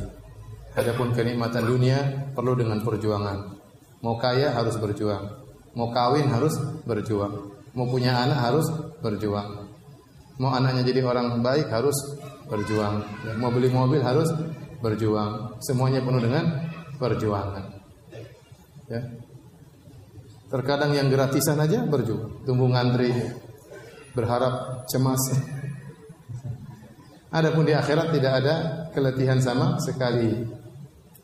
Wa qalu alhamdulillahilladzi adhhaba 'anna al-hazan inna rabbana laghafurun syakur alladhi ahallana darul muqamah min fadlihi la yamassuna fiha nasabun wa la yamassuna fiha lugub tatkala penghuni surga masuk surga yang mereka ucapkan di antaranya pertama kali segala puji bagi Allah yang telah menghilangkan kesedihan dari kami. Semua kesedihan tempatnya di dunia. Dunia ini sebab kesedihan banyak ya sebab kesedihan banyak lapar sedih kekenyangan juga sedih Banyak sedih. Ke rumah kadang bahagia, terkadang juga sedih. Gaji nggak keluar keluar, sedih. Ya. Banyak menyebabkan kesedihan. Terkadang nggak ada apa-apa. Seorang wanita duduk tiba-tiba lihat orang lebih cantik, dia sedih. Banyak hal menyebabkan apa? Kesedihan. Dan itu semua akan sirna tatkala hari kiamat kala. Perkara yang paling tidak enak itu kesedihan. Makanya alladzi apa namanya? al-adhaba annal hazan yang telah menghilangkan kesedihan dari dari kami. Kemudian di akhir ayat kata mereka la yamassuna fiha nasabun wa la yamassuna fiha lugub. Bahwasanya di akhirat itu tidak ada letih, tidak ada lelah. Apa bedanya nasab dan lugub? Nasab dan lugub dalam bahasa Arab bedanya nasab adalah keletihan tatkala beraktivitas. Lugub adalah keletihan setelah beraktivitas. Bisa jadi seorang tatkala sedang beraktivitas dia semangat. Baru setelah dia berhenti dia merasa letih luar biasa. Ya. Makanya kata Allah Subhanahu wa taala tentang penciptaan langit dan bumi kata Allah, "Wa laqad khalaqnas samawati wal arda wa ma bainahuma fi sittati ayyam wa ma massana min lughub." Sungguh kami telah menciptakan langit dan bumi dan apa yang di antara keduanya dalam waktu enam hari dan kami tidak ditimpa dengan lugub yaitu keletihan setelah beraktivitas. Karena orang-orang Yahudi menyangka Allah menciptakan langit dan bumi dan beserta isinya. Enam hari, hari ketujuh istirahat. Keletihan yang menimpa Allah setelah beraktivitas maka Allah bantah. Kata Allah kami tidak ditimpa dengan lugub tatkala mencipta tidak ada keletihan. Setelah mencipta juga tidak ada keletihan. Nah penghuni surga kira-kira juga demikian. La yamassuna fiha nasabun wala yamassuna fiha lugub kami tidak ditimpa dengan nasab tidak juga lugub di surga tatkala beraktivitas tidak ada letihnya setelah beraktivitas juga tidak ada letihnya. Mau main bola, mau disuruh kalau main bola, kalau sempat. Tidak letih-letih. Habis main bola juga tidak letih-letih. Seorang berhubungan dengan bidadari dengan istrinya di surga tidak letih-letih. Habis juga tidak letih-letih. Ya. Jadi tidak ada keletihan sama sama sekali. Di dunia, Mas, bangun Mas. Capek. Di dunia penuh dengan keletihan. Letih telah, telah beraktivitas, letih setelah beraktivitas. Di surga tidak ada. Bagaimana seorang mau letih di surga? Sementara pelayannya sangat banyak sekali. Kata Allah Subhanahu wa taala wa yatufu alaihim gilmanul lahum ka'annahum lu'lu'um maknun. Berputar di sekeliling mereka remaja-remaja yang menjadi pelayan mereka ka'annahum lu'lu'um maknun yang mereka sangat putih seperti mutiara dalam cangkangnya. Wa yatufu alaihim wildanun mukhalladun idza ra'aitahum hasibtahum lu'lu'an mansura. Kata Allah berputar sekeliling mereka remaja-remaja yang abadi yang Allah abadikan, selalu remaja. Idza ra'aitahum kalau engkau melihat mereka, maka mereka seperti lu'lu'an mansura, seperti mutiara yang terhamburkan, seperti mutiara kalau dalam suatu kalung kemudian dilepas kalungnya kemudian mutiara tersebut bertaburan dengan begitu rapinya dan indahnya di tempat yang indah. Maka mereka pembantu tersebut bertebaran di sekeliling para penghuni surga. Nah, Allah menyebutkan ciri-ciri remaja-remaja para pembantu tersebut yang Allah ciptakan bagi penghuni surga untuk melayani mereka. Kata Allah Subhanahu wa taala lu'lu'um maknun. Seperti mutiara yang tersimpan dalam cangkangnya. Artinya kulit mereka sangat putih bersih.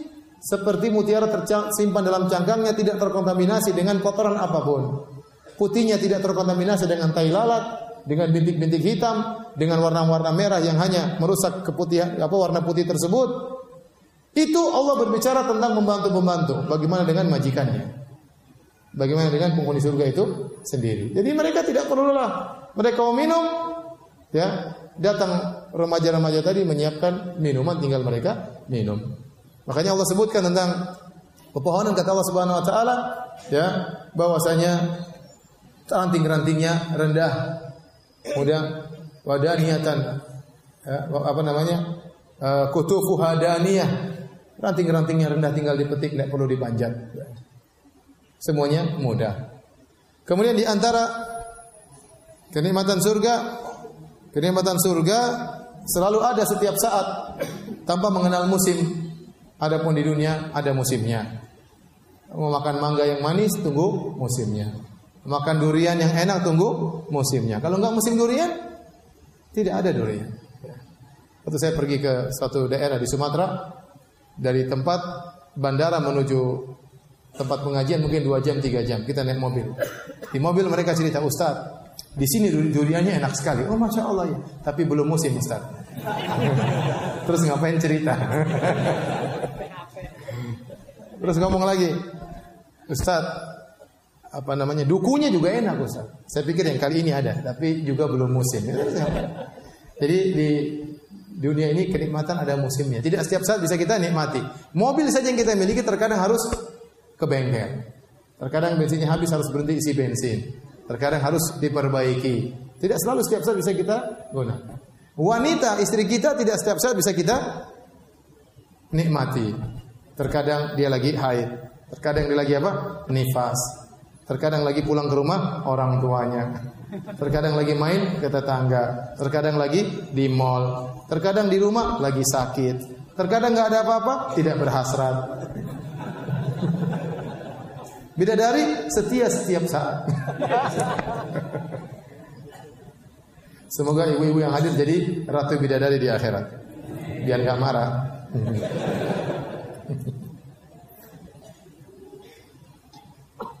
Yang berikutnya kenikmatan di akhirat tidak tidak punya efek samping, tidak ada. Di dunia semua kenikmatan ada efek sampingnya. Mobil ada asapnya, ya. Makanan ada kotorannya, ya. Udang ada kolesterolnya, ya. Durian ada baunya, ya. Apa pun ada efek sampingnya. Ya. Wanita juga ada efek sampingnya. Apa efek samping? Di akhirat tidak ada, tidak ada efek samping. Wanita tidak beringus, tidak buang ludah, la yabskun, wala yamtakhitun, tidak ada ingusnya, tidak buang ludah, ya. Wala yabulun tagawatun, tidak buang air kecil, tidak buang air besar, tidak ada bau keteknya, enggak ada. Semuanya sempurna, tidak ada efek sampingnya. Seorang makan tidak buang air, enggak ada. Pun keringat-keringat pun baunya seperti minyak kasturi, tidak ada efek sampingnya. Karena di surga itu murni 100% kenikmatan. Kemudian kata Allah, "Inna hadza la fi suhufil ula." Sungguhnya ini semua berada dalam kitab-kitab yang terdahulu. Ini dalil bahwasanya apa yang Allah sampaikan tentang surga, tentang neraka, tentang nikmat surga, tentang adab neraka, penghuni surga, penghuni neraka, ini disebutkan oleh seluruh nabi-nabi yang Allah turunkan bersama mereka kitab-kitab suci. Semua kitab-kitab suci membahas tentang dunia dan akhirat, tentang surga dan neraka. Inna hadza la fi suhufil ula. Semuanya berada pada disebutkan dalam kitab-kitab terdahulu. Suhuf Ibrahim wa Musa, di antaranya suhuf Ibrahim dan suhufnya Musa. Suhufnya Ibrahim dan suhufnya Musa. Ada yang mengatakan suhuf Musa itu beda dengan Taurat. Ada yang mengatakan suhufnya Musa itulah Taurat. Suhuf artinya lembaran-lembaran. Apakah dia Taurat itu sendiri atau ada Taurat ada juga lembaran-lembaran lain yang Allah berikan oleh Musa? Wallahu alam bisawab. Intinya para hadirin kita subhanahu wa taala, inilah tafsir dari surat Al-A'la. Semoga bermanfaat sehingga tatkala kita membaca surat ini kita lebih bisa menghayati makna dan kandungannya. Demikian kalau ada yang bertanya saya persilakan wallahu taala alam bisawab. Berkaitan dengan zikir dan sholat, bagaimana banyak zikir di setiap aktivitas tapi hanya di lisan dan hati sering ke mana-mana. Seorang berzikir bisa dengan hatinya, bisa dengan lisannya, bisa dengan lisan dan hati. Yang paling sempurna lisan dan hati. Tapi kalau zikir dengan hati tanpa lisan juga boleh. Lisan tanpa hati kurang sempurna tapi tetap dapat pahala. Tetap dapat pahala. Yang sempurna adalah lisan dan dan hati. Seorang melatih diri, terkadang di antara zikirnya ada yang hatinya connect, terkadang connect, hatinya tidak connect, tapi dia berusaha untuk mengkonekkan. Yang penting dia berusaha. Semuanya berpahala di sisi Allah Subhanahu wa taala. Kata hadis dalam hadis qudsi kata Allah, "Wa man dzakarani fi nafsihi dzakartuhu fi nafsi." Barang siapa mengingatku di hatinya, maka aku akan mengingatnya di jiwaku kata Allah Subhanahu wa taala. Wa man dzakarani berarti tidak dikeluarkan. Wa man dzakarani fi mala'in dzakartu fi mala'in khairin minhu. Barang siapa yang menyebutku di hadapan banyak orang, aku akan menyebutnya di hadapan kelompok yang lebih baik dari mereka itu. Aku akan menyebut-nyebut dia di hadapan para malaikat. Bagaimana cara mengkodok sholat fardu yang pernah kita tinggalkan? Kalau kita tinggalkan sholat fardu tiga tahun, maka cara mengkodoknya sebagian ulama mengatakan caranya setiap antum sholat duhur, antum sholat duhur lagi tiga kali. Setiap sholat asar, sholat asar lagi tiga kali sampai setahun. Berarti sudah mengkodok tiga tiga tahun. Saat kalau saya tinggalkan sholat 20 tahun, kamu sekarang umur berapa? 82. Mungkin nggak sampai caranya.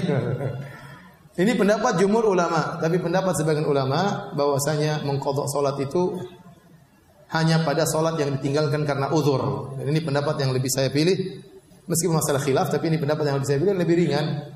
Karena Nabi SAW bersabda, man nama an solatin au nasiyaha falyusalliha idza dzakaraha. Barang siapa yang ketiduran atau lupa salat, maka hendaknya dia salat jika dia ingat. Ini salat qada. Terhadap uzur syar'i, yaitu karena ketiduran atau karena lupa.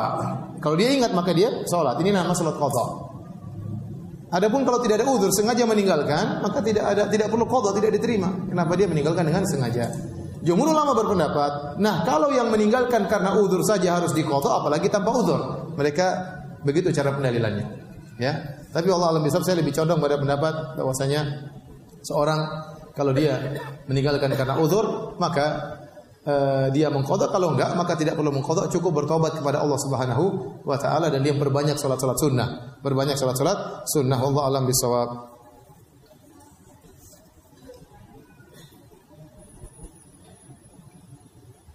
Ustaz, anak ingin bertanya. Assalamualaikum warahmatullahi wabarakatuh. Waalaikumsalam warahmatullahi wabarakatuh. Anak ingin menadhar seorang akhwat. Apa yang harus dilakukan saat nazar? Pertanyaan-pertanyaan seperti apa sebaiknya ditanyakan? Bagaimana meyakinkan orang tua akhwat tersebut? Jazakallah khair. Eh, tatkala kita menazar akhwat, tentunya kita harus tahu adab-adab nazar, yaitu kita dia ditemani dengan uh, mahramnya. Tidak boleh berkholwat berduaan, ditemani mahramnya. Kalau kita ingin secara spesial ya. Uh, kalau tidak secara spesial kita ingin nazar saja dia tidak tahu, ya tunggu dia keluar pas keluar pulang kajian, nunggu. Dia lewat baru kita lihat. Itu berarti kita niat menazarnya tanpa dia ketahui. Dan ini boleh kalau benar-benar kita ingin menikahinya, bukan untuk main-main saja ya. Tunggu di depan pengajian semua dinazar. Enggak boleh. Harus kita cari informasi dulu. Kalau sudah oke, okay, baru kita berusaha untuk menazar dia Meskipun dia tidak tahu, nggak ada masalah. Ini tidak jadi masalah. Kita tunggu dia. Kita nanti yang keluar baju begini, begini, begini. Nah, itu dia. Jangan salah, sampai salah lihat ya. Yang lebih baik adalah kita menatur dia dengan pengetahuan dia didampingi oleh mahramnya. Maka kita datang, berkunjung, kita lihat dan boleh kita melihat rambutnya, boleh melihat lehernya, boleh melihat lengan bawahnya, boleh melihat betisnya. Kalau dia mau, kalau dia nggak mau ya sudah. Tapi secara syar'i boleh. Ya, secara syar'i bo boleh ya.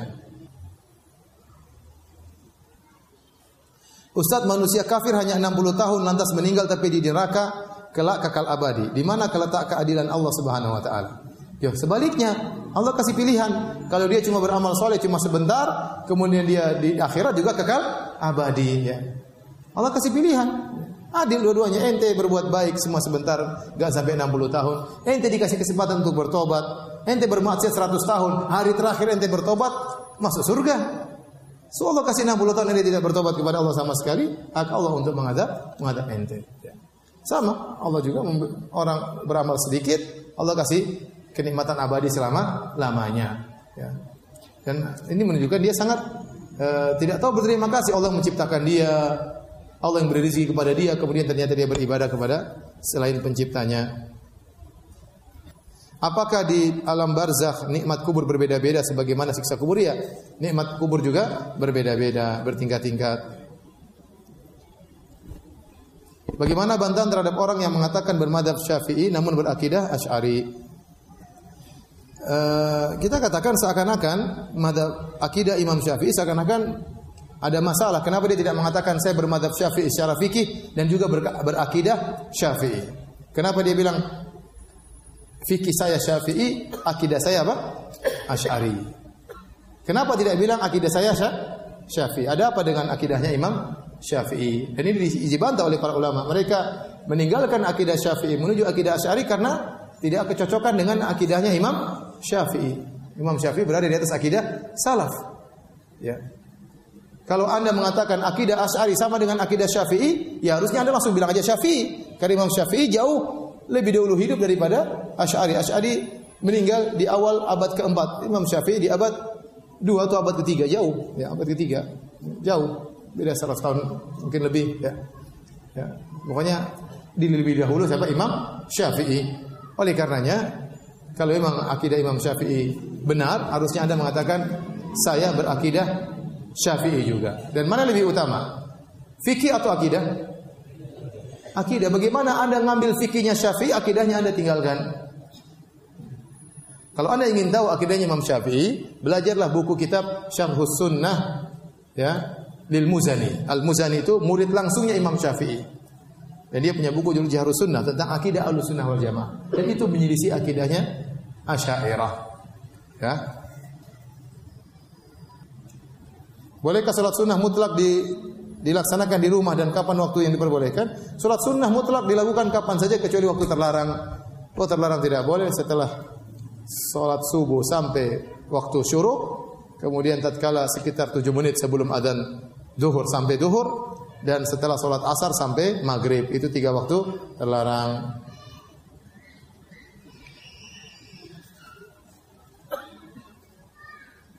Ustaz apa doa untuk perlindungan dari adab kubur? Doanya si antum baca setiap habis tasyahud Allah min a'udzubika min adabi jahannam wa min adabil qabr. Min fitnatil mahya wal mamat wa min fitnatil masih dajjal. Hafalkan doa tersebut dan baca tatkala tasyahud. Apakah orang sudah bertobat masih mendapat siksa di alam barzah dan neraka? Tidak, kalau dia bertobat dan tobatnya diterima oleh Allah tidak akan disiksa. Berarti at-taib kaman la dzambalahu. Kata Nabi, orang yang bertobat itu seperti orang yang tidak berdosa.